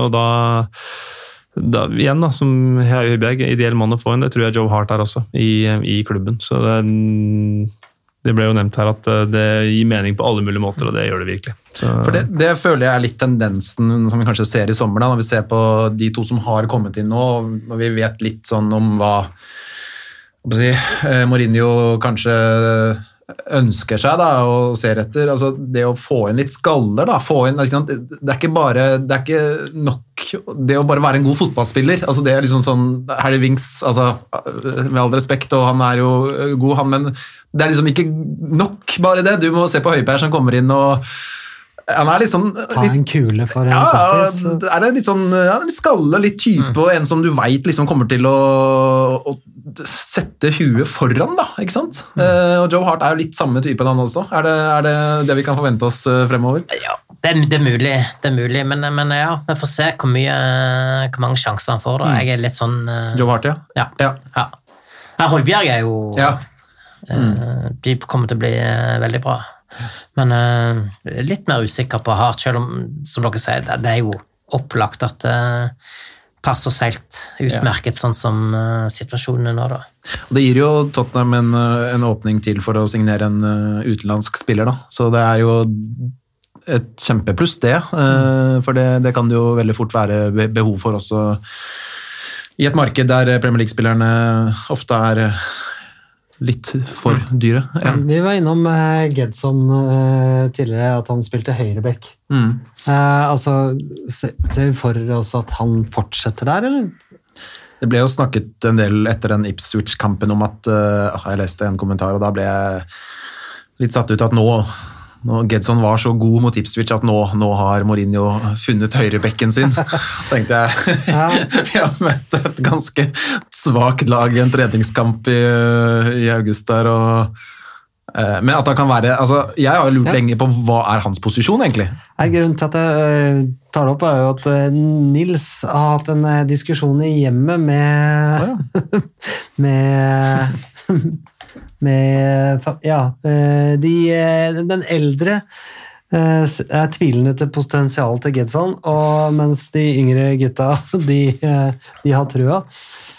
Hvem skal vi gi rett? Nei, som den eldre så støtter jeg de, de gamle. Ja, Du tviler på Gedson, du òg? Nei, jeg har ikke Jeg tror han er tilbake i Benfica i løpet av neste sommer. Ja. Vi må jo vi må ta en runde da, for å se hvem som Ikke, at vi ikke benytter oss av eh, Klaus kjøps... Ja, ja. Nei, nei, nei. nei. Ja, Det kan vi jo ta en runde på her, også, for det, det definerer jo kanskje på mange måter om eh, eh, hva Tottenham ser i ham. da. Altså om, om de syns han er god nok. Jeg tror også han er eh, ute om et år når lånekontrakten forsvinner, men uh, ja. Hva tror du, Espen? Hva er prislappen, da? Hva er vi enige om? Jeg tror det, den, var, jeg den var rimelig høy, altså. Men, mm. jeg, tror, men jeg, jeg har hørt snakk om opp mot en 50 mil. på- Oi. Men, men, jeg, men, jeg- men jeg, jeg tror ikke jeg tror, Det kan ikke være så ille eh, etter å ha sett den. Så, jeg- så, jeg, så jeg er usikker på hva, hva prislapp det er snakk om. Men, men han snakket jo i den størrelsesorden når han kom. Men, Ja, Det eh, er jo så mye klausuler i sånne avtaler nå, så det er, hadde, hadde vunnet eh, det, eller eh, ja, hadde han spilt eh, 1800 kamper, så hadde det kanskje blitt 50 millioner, men eh, ja. Nei, Jeg, ja, nå avbrøt jeg. Nei, nei, nei, nei på ingen, på ingen måte. Jeg, ingenting å beklage. Jeg tror eh, det han har vist slash ikke vist, tilsier at eh, de kommer til å hente noen andre. Eh, jeg må støtte meg, meg til det. Det er jo alltid litt sånn eh, lotto når man henter spillere fra, fra Portugal og sånt, at eh, det gikk jo greit for Manchester United å hente Bruno Fernandes, men uh, det var en litt annen klasse enn en det greiene her. Så du Eh, feil Fernandes. ja, det kan du godt si. ja, det, det, jeg var egentlig litt Jeg trodde ikke Bruno Fernandes skulle bli så bra heller. Altså. lenge. Men uh, jeg tror vel kanskje litt mer Mourinho-style, så vil det være mer jakt etter mer etablerte spillere. At man vil bruke ressursene der, og så Var det ikke. Rakitic som uh, Jo, var linka til toppen? jo, det er godt mulig. Det er vel mer eh, makes more sense eh, Ja. sett med Mourinho-øyne. Men jeg tror jo at eh, Gedson er, eh, har en høy stjerne hos eh, Mourinho. Så jeg være. tror det avhenger om hvor lenge Mourinho varer. Mm. Mm. Det er et poeng, da. Eh, ja. Ja, så konklusjonen da til Var det Nils? Ja, nei, det er at eh, det er delt her òg. Litt delt her òg, og så endte vi vel så vidt på at Hvis eh, jeg kan kalle meg den yngre, men det er vel, eh, Ja, ikke helt sant. Bra. Um, to nye spillere på plass, altså. Uh, men Tottenham er neppe ferdige med det. Hva kan vi forvente av aktivitet fra Tottenhams side frem til vinduet stenger 5. oktober? Hva må de hente, og hva håper vi at de henter? Backup-spiss. Ja. Ja, det er mulig, men eh, da, da fins alternativ der òg, da. Eh, men men eh, ja, jeg, jeg, har mest lyst på to nye backer, mm. både på høyre- og venstrebacken. Uh, og så kunne jeg godt ha hatt en oppgradering på Sissoko. ja. Så hadde jeg fått de tre, så hadde jeg vært happy. Hadde jeg fått en uh, ny spiss i tillegg, så hadde vinduet vært veldig bra. Hvis uh, en da kan komme i gang, så blir jo han eh, en oppgradering av Sissoko. Det kan du si. Uh? Ja. Det kan du absolutt si, men, men, eh, men er ikke behovet Leif Konrad, for en spiss mer prekært enn det du gir uttrykk for her? For nå har vi jo, vi har jo egentlig bare én, da. selvfølgelig sånn om åra som kan gå inn og spille der, men bør ikke Tottenham ha to, minst, da? To spill de skal spille, hva er det? Så opp mot 70 kamper neste sesong? Hvis uh, maks, da? Uh, bør de Men jeg tenker sånn Mora kan ta den uh, rollen der. Da har du fortsatt ganske mange som kan spille vinger. Så eh, ja, det hadde vært fint med en ekstra spiss, og, og sikkert nyttig, men, men, men jeg, jeg tror ikke det var der jeg ville brukt pengene, hvis vi, i første omgang i hvert fall. Nei, da- da skal jeg Vi er jo ofte enige og litt uenige og sånt, vi Ref Konrad, men da, da, skal, da, skal, da, skal være, da skal jeg være veldig uenig med deg nå, da. Eh, Jeg mener at, eh, at det er helt avgjørende for Tottenham å hente inn en spiss. Eh, Fordi eh, de har egentlig vært uten et reelt spissalternativ til Kane nå i ganske mange sesonger. De har prøvd seg litt med Jansen og litt sånn forskjellig løsninger som ikke har fungert i det hele tatt. Eh, og så er jo historien eh, full av eksempler at Kane kommer til å få sine to-tre måneder på, på sidelinjen. Og så, så er jeg jo enig med deg at Son og Mora sånn kan gå inn der, men jeg mener at det er ikke noe ideell løsning, og det vil også svekke måte, de posisjonene de spillerne forlater. Da. Eh, så, så jeg mener at øh, Jeg er helt enig med deg i at uh, høyrebekken må oppgraderes. Gjerne venstrebekken òg, det, det støtter jeg. Uh, men uh, minst Altså like viktig, da, mener jeg det er at de får på plass en spiss nummer to som kan gå inn og erstatte Kane. når, jeg sier når, ikke hvis, men når Kane får sine kamper på sidelinja. Og som kan gå inn og spille sammen med Kane. Uh, så vi har muligheten til å spille med to rene spisser. Men da er spørsmålet hvem, hvem er det realistisk å få tak i som er god nok, og som vil i utgangspunktet være en eh, backup til Kane. Jeg tror Når Troy Parrott kommer tilbake igjen etter ett år nå, så tror jeg han er klar for å ta opp den kampen der. og Henter vi inn en ny til nå, så kan det være at veien hans er enda lenger for å komme, komme inn på, på laget. Jeg er bare sånn bekymra for at vi ender opp med en type rassiak igjen. Eller, eller, altså, altså, du- bare Ja, ja. henter noen nå, sant, som skal gjøre noe. Lorente var jo Ja, ja. eh, helt i Champions League.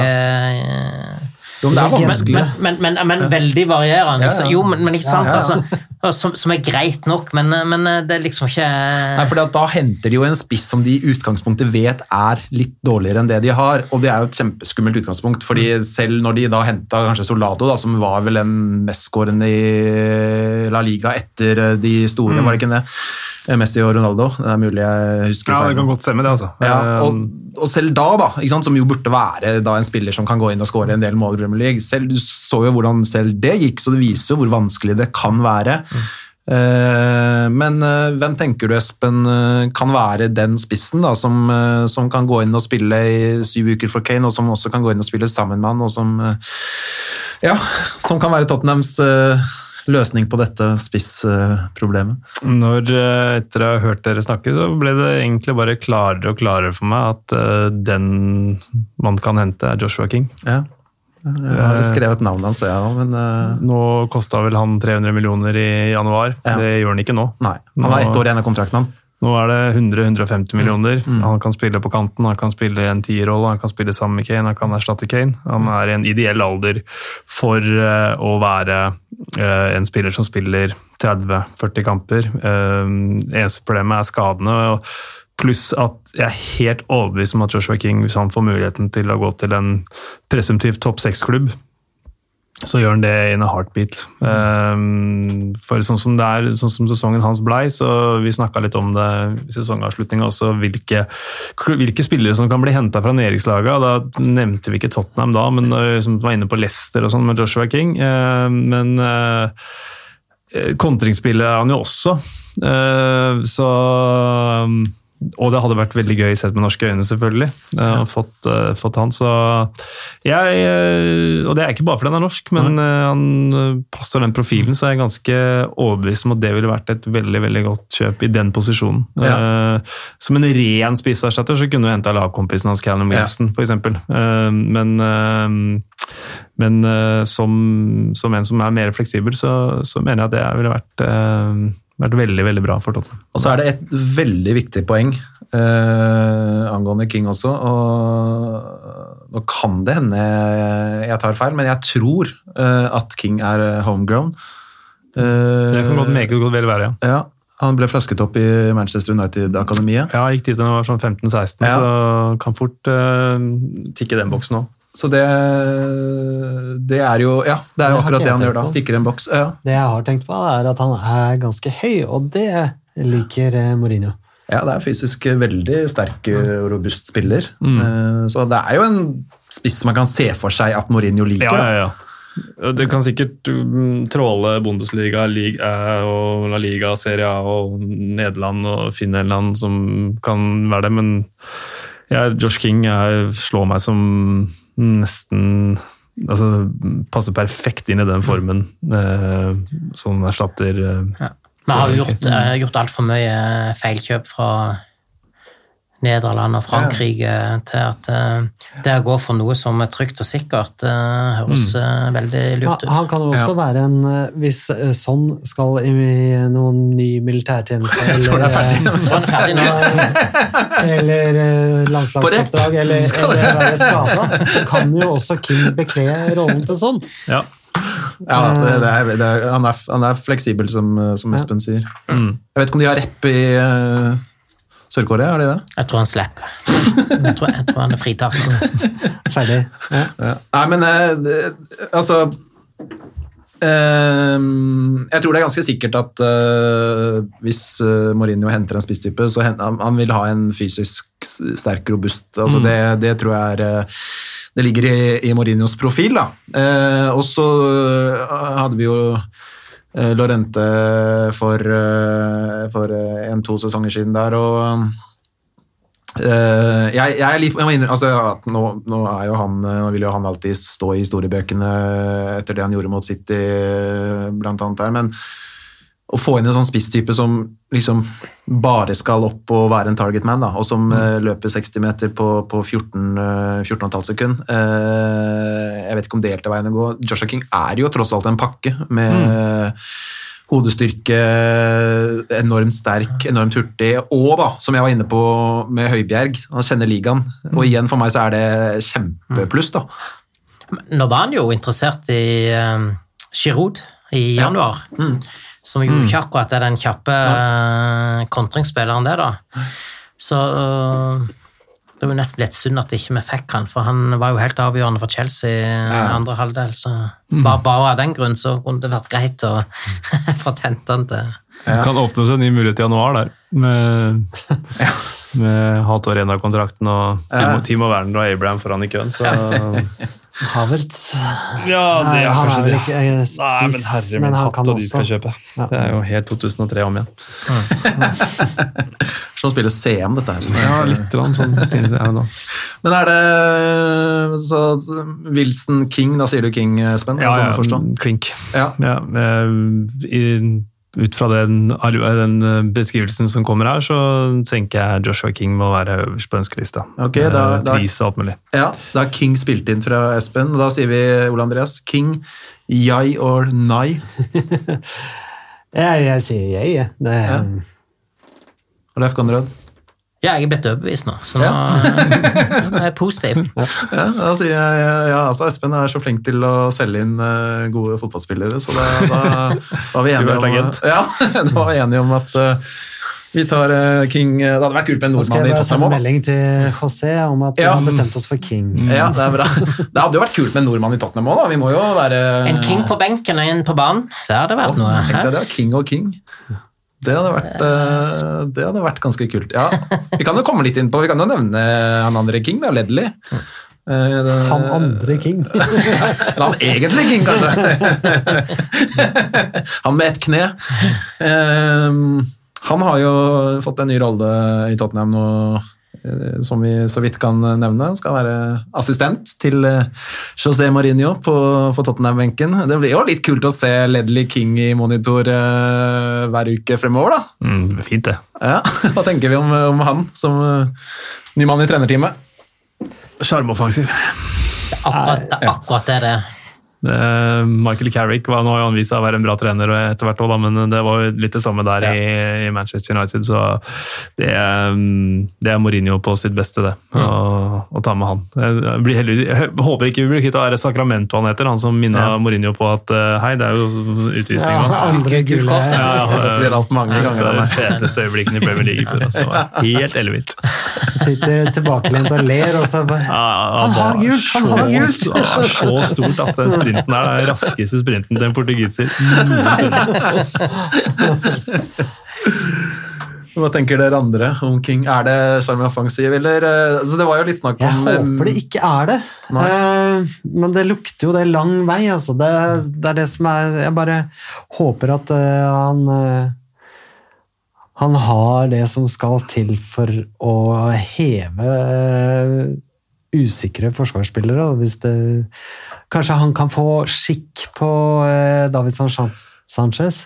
Mm. Um, for han gjør ikke alltid alt rett. Han posisjonerer seg ikke Men det, det, der er jo sånn, det er ikke sånn at han kommer gjennom systemet og har trent eh, noen juniorer og, og U-lag tidligere. Da. Det er jo, eh, han har jo vært klubbambassadør og reist rundt og bare eh, Mm. vært på, på treff med supportere, blant annet Ja, eh, når- her i Oslo. Når du er så god forsvarsspiller uten å trene i Ja flere Ja, men det, sesonger ja, ikke sant? at du, du bare da, da må det være en fotballhjerne der. Altså. Ja. Mis, misforstå meg rett, jeg syns det er dritkult da, at han er inne. Men, men eh, det blir jo spennende å se om, eh, om man har noe pedagogisk evne. og... Ja.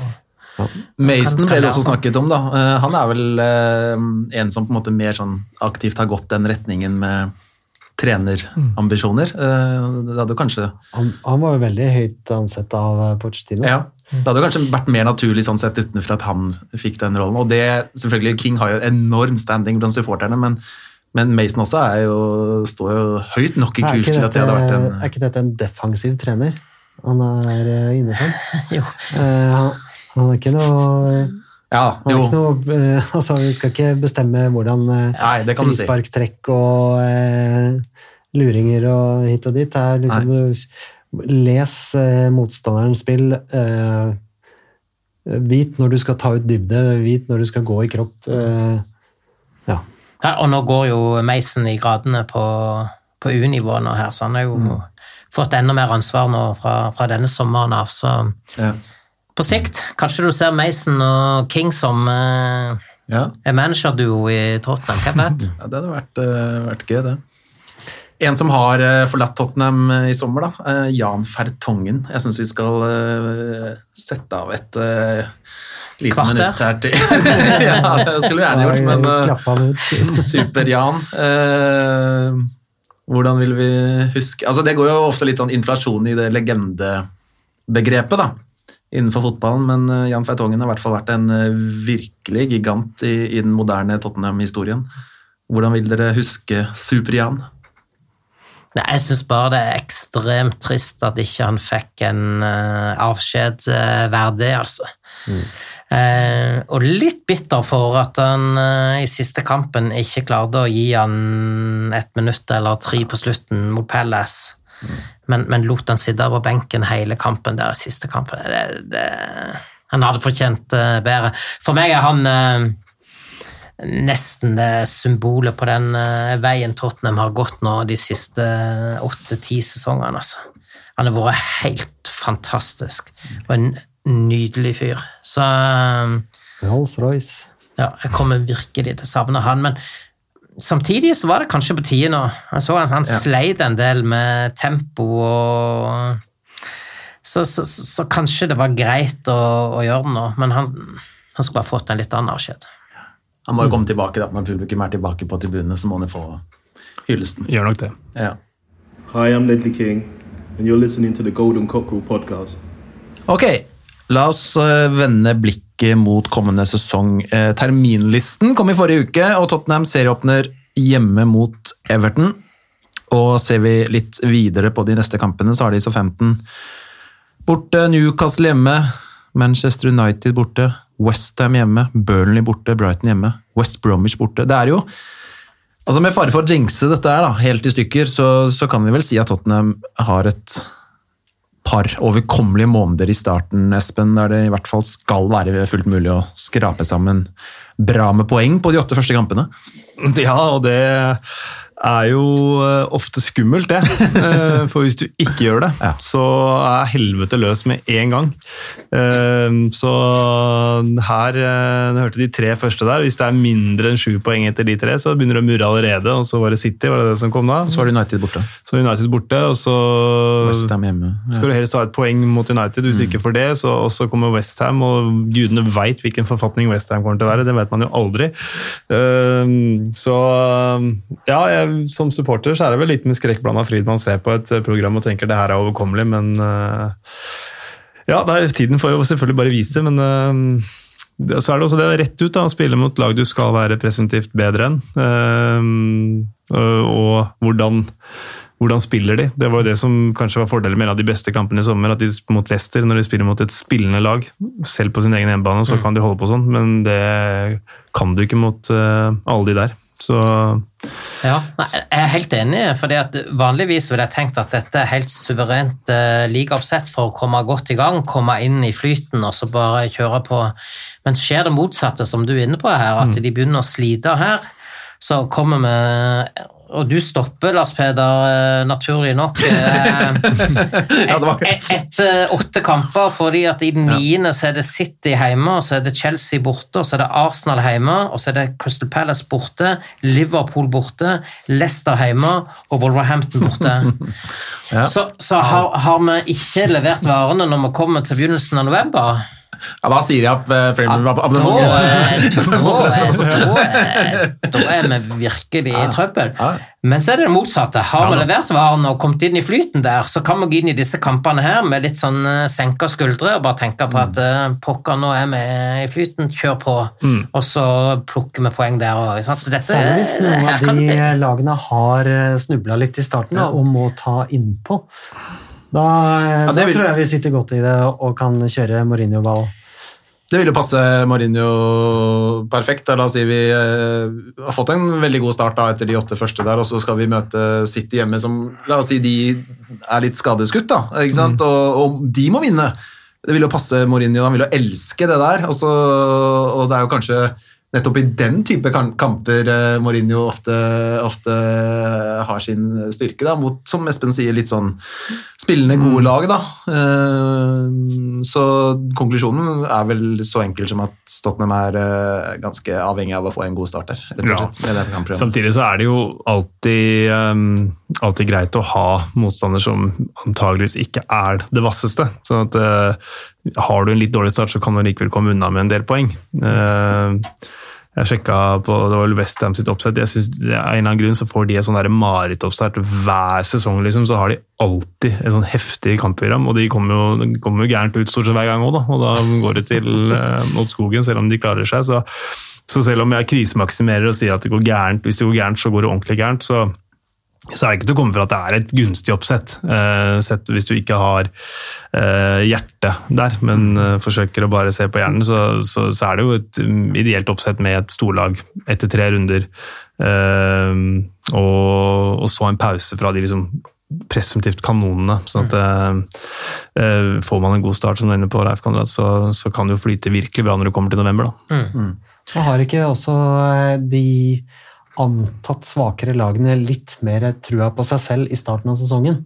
De har ikke blitt hekta av noe Mm. Eller de har ikke klart å hekte seg på noe ting som helst. Mm. Eh, Sånn at de faktisk prøver å spille litt mer eh, ball. De prøver, eh, prøver mer på å vinne kamper enn å forsvare seg til poeng. Mm. Eh, Det er det er mulig jeg driver med nei. ønsketenkning. Nei, nei, nei, det er et veldig godt poeng. Jeg tror det er et godt poeng, ja. Fordi det er verre å møte Ja, bare, Ja. bare, bare tenk å starte bort mot Leeds. Det hadde vært eh, katastrofe, egentlig, med, ja, som, som et nyopprykka lag, som et lag som du egentlig skal slå, da, Ja. men som kom inn med den flyten de hadde. Og, og, og, og for, det, det, det, så at vi, vi slipper sånt, det er fint. Everton har vi jo hatt veldig god kontroll på på hjemmebane. i lang, lang, jeg tror det er kanskje det laget i Premier League vi har hatt best statistikk mot, hvis jeg ikke husker feil. Så, så, så, så det er en helt uh, fin åpning der. Ja, jeg tror også poenget ditt er godt, eh, Ole Andreas. Sånn som West Brom, da, eller ta et lag som man kan forvente liksom, kjempe litt ned, nedi der. Eh, det å møte dem eh, altså, Det skjer ofte noe med dem eh, de to, to siste månedene. Eh, nå skal vi jo sikkert møte dem selvfølgelig igjen eh, senere, og kanskje det er da mot tampen, det husker jeg ikke, men, men å møte dem tidlig når, de fortsatt er Ja, men ta ikke har fått de smellene. som vi møter i serieåpninga, som, som eh, egentlig på slutten av forrige sesong de, Det var verken full fisk, så Mm. det virka ikke helt Det virka ikke som de spilte hele kamper. Da. Det bare Ja, nå den, Vi vant ikke denne, så da Mm. bare tar vi litt rusletempo eh, siste halvtimen. Mm. Eh, De vil nok ha sånn Ok, nå er det ny frisk, nå kan vi starte litt ordentlig. Prøve å spille litt ball. Eh, Angelotti er jo ikke den eh, eh, legge seg bakpå-treneren, eh, så de kommer antageligvis til å ha en god del ball på vår hjemmebane. Passer Mourinho eh, som eh, hånd i hanske, Mm. tror jeg. Absolutt. Og så gjelder det at vi tar vare på våre sjanser. Og United eh, i fjerde runde, de har vel ikke den ideelle Det er ikke sikkert vi ser dem fra sin beste side så tidlig i sesongen heller. De har jo ikke den aller mest ideelle oppkjøringen heller. De var jo lenge med ute i Europa og ligger jo liksom litt på etterskudd, da, kan du si, med Ja, og vil ha en kamp mindre spilt også. De Ja. starter jo en uke seinere. Ja. Så det vil være den tredje kampen til Manchester United. Da. Men men et godt poeng med Everton. Altså det, det er et lag som har helt tydelige ambisjoner om å være der Tottenham har vært de siste fire, fem, seks årene. Eh, og overgangsvinduet er på ingen måte ferdig, og sånn, så det kan fort være at Everton kan være avskrekkende nok det i, i serieåpningen. Så når vi snakker om liksom storlag, så tar man jo, ser man jo eh, i speilet og ser på de som var topp seks-sju forrige sesong. Eh, Men Everton er jo en klubb med potensial og en manager som du er inne på, og spillere som tilsier at de, de burde også være der oppe og krige.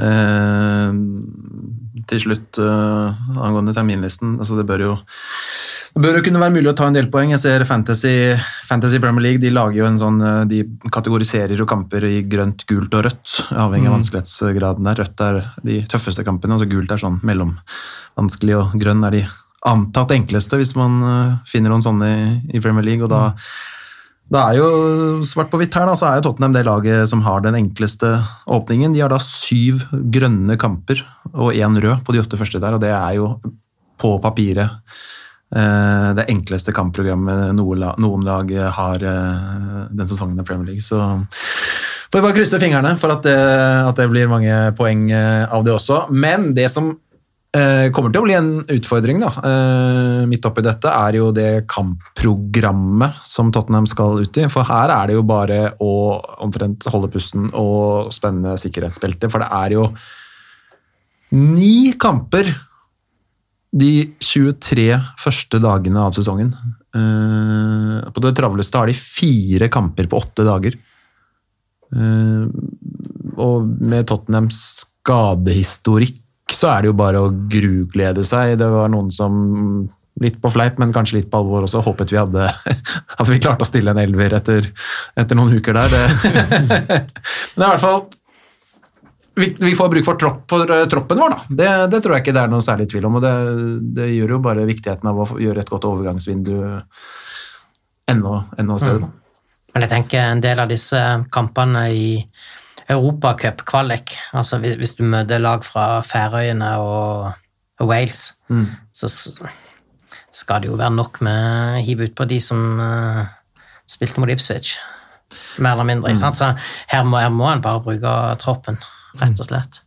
Hi, this is Graham Roberts, and I'm listening to the Golden Cockerel podcast. En eh, lang sending eh, nærmer seg slutten. Vi kunne sikkert sittet her i eh, tre timer til, men Ole Andreas, du har litt sånn småsacks og konkurranser og litt sånn å komme med på slutten? Ja, vi har jo hatt en konkurranse der hvor man kan vinne en drakt på slutten av sist sesong. Den kåringa, eller trekninga, foretar vi neste gang pga. litt tidspress. Eh, Men vi vil kåre eh, dagens eh, beste spørsmål. Da har vi eh, fire alternativer her. Vi har eh, Eh, Et spørsmål som vi har fra Heimdal, hvor, hvem som er den unge spilleren som kommer til å slå til. Det er spørsmål én. Og så har vi spørsmål fra Eirik eh, Johansen om eh, Foyt. Om han er ferdig i klubben, eller om han kan eh, finne en ny posisjon i klubben. Så har vi Cess, som lurer på dette med Bale, om han kan komme tilbake. Og så har vi et spørsmål som vi ikke har tatt opp før. Oi. Det er da Det er ikke så mye til deg, Espen, men eh, det kommer fra Espen Frøstad.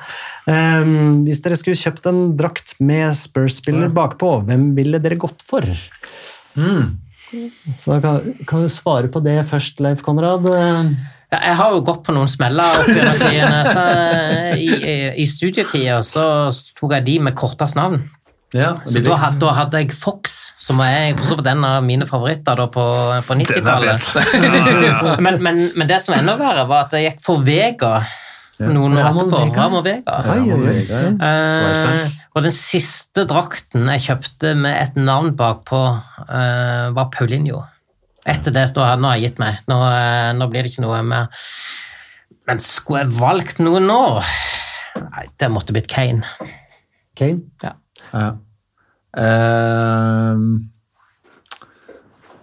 Å, den er vrien. Jeg, det er jo veldig, jeg har jo veldig lyst til å så Kane, Lo Celso eh, det, det er jo Det er jo lett å velge en av dem, da. Ehm, men jeg, jeg syns det er litt kult å være litt sånn eh, utradisjonell på de valgene der. Ehm, så jeg eh, velger da å gå for uh, Lamela. Lamela? Er Ikke verst. kul, Ja. eh, kul spiller.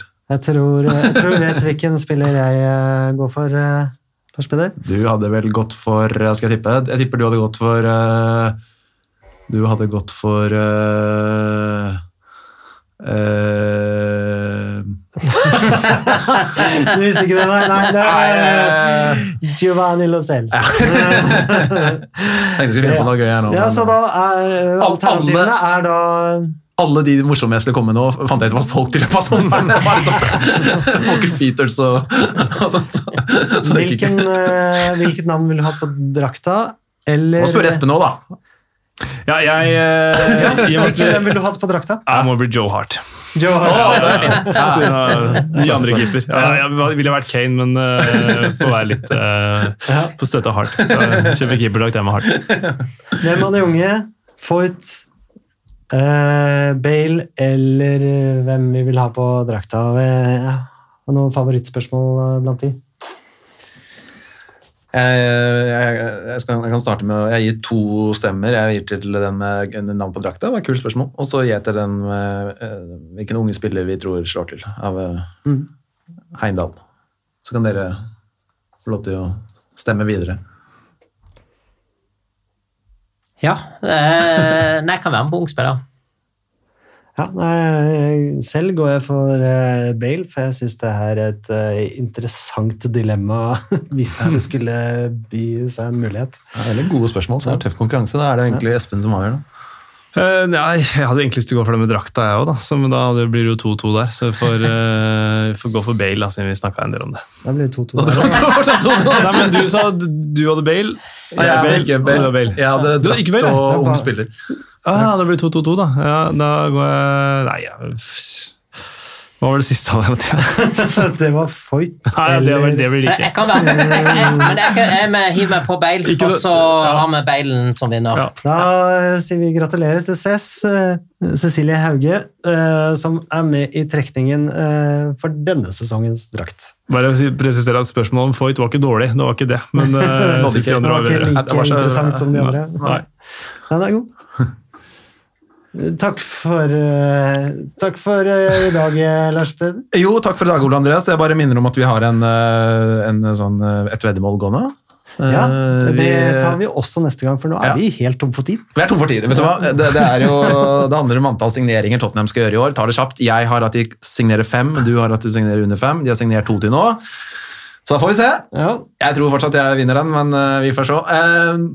Takk til Leif Konrad for at du var med. Veldig hyggelig. Takk til Ole Andreas for at du var med. Takk like måte. Og en stor takk til Espen, som også var med oss i dag. Tusen takk for at jeg fikk komme. Veldig gøy. En stor ære å ha deg ære. og Ole Andreas og Leif Konrad på besøk. Eh, vi takker for nå.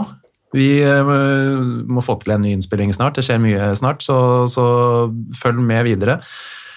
Ha en eh, riktig god uke videre, og så, Ole Andreas, er det bare å rense stemmen.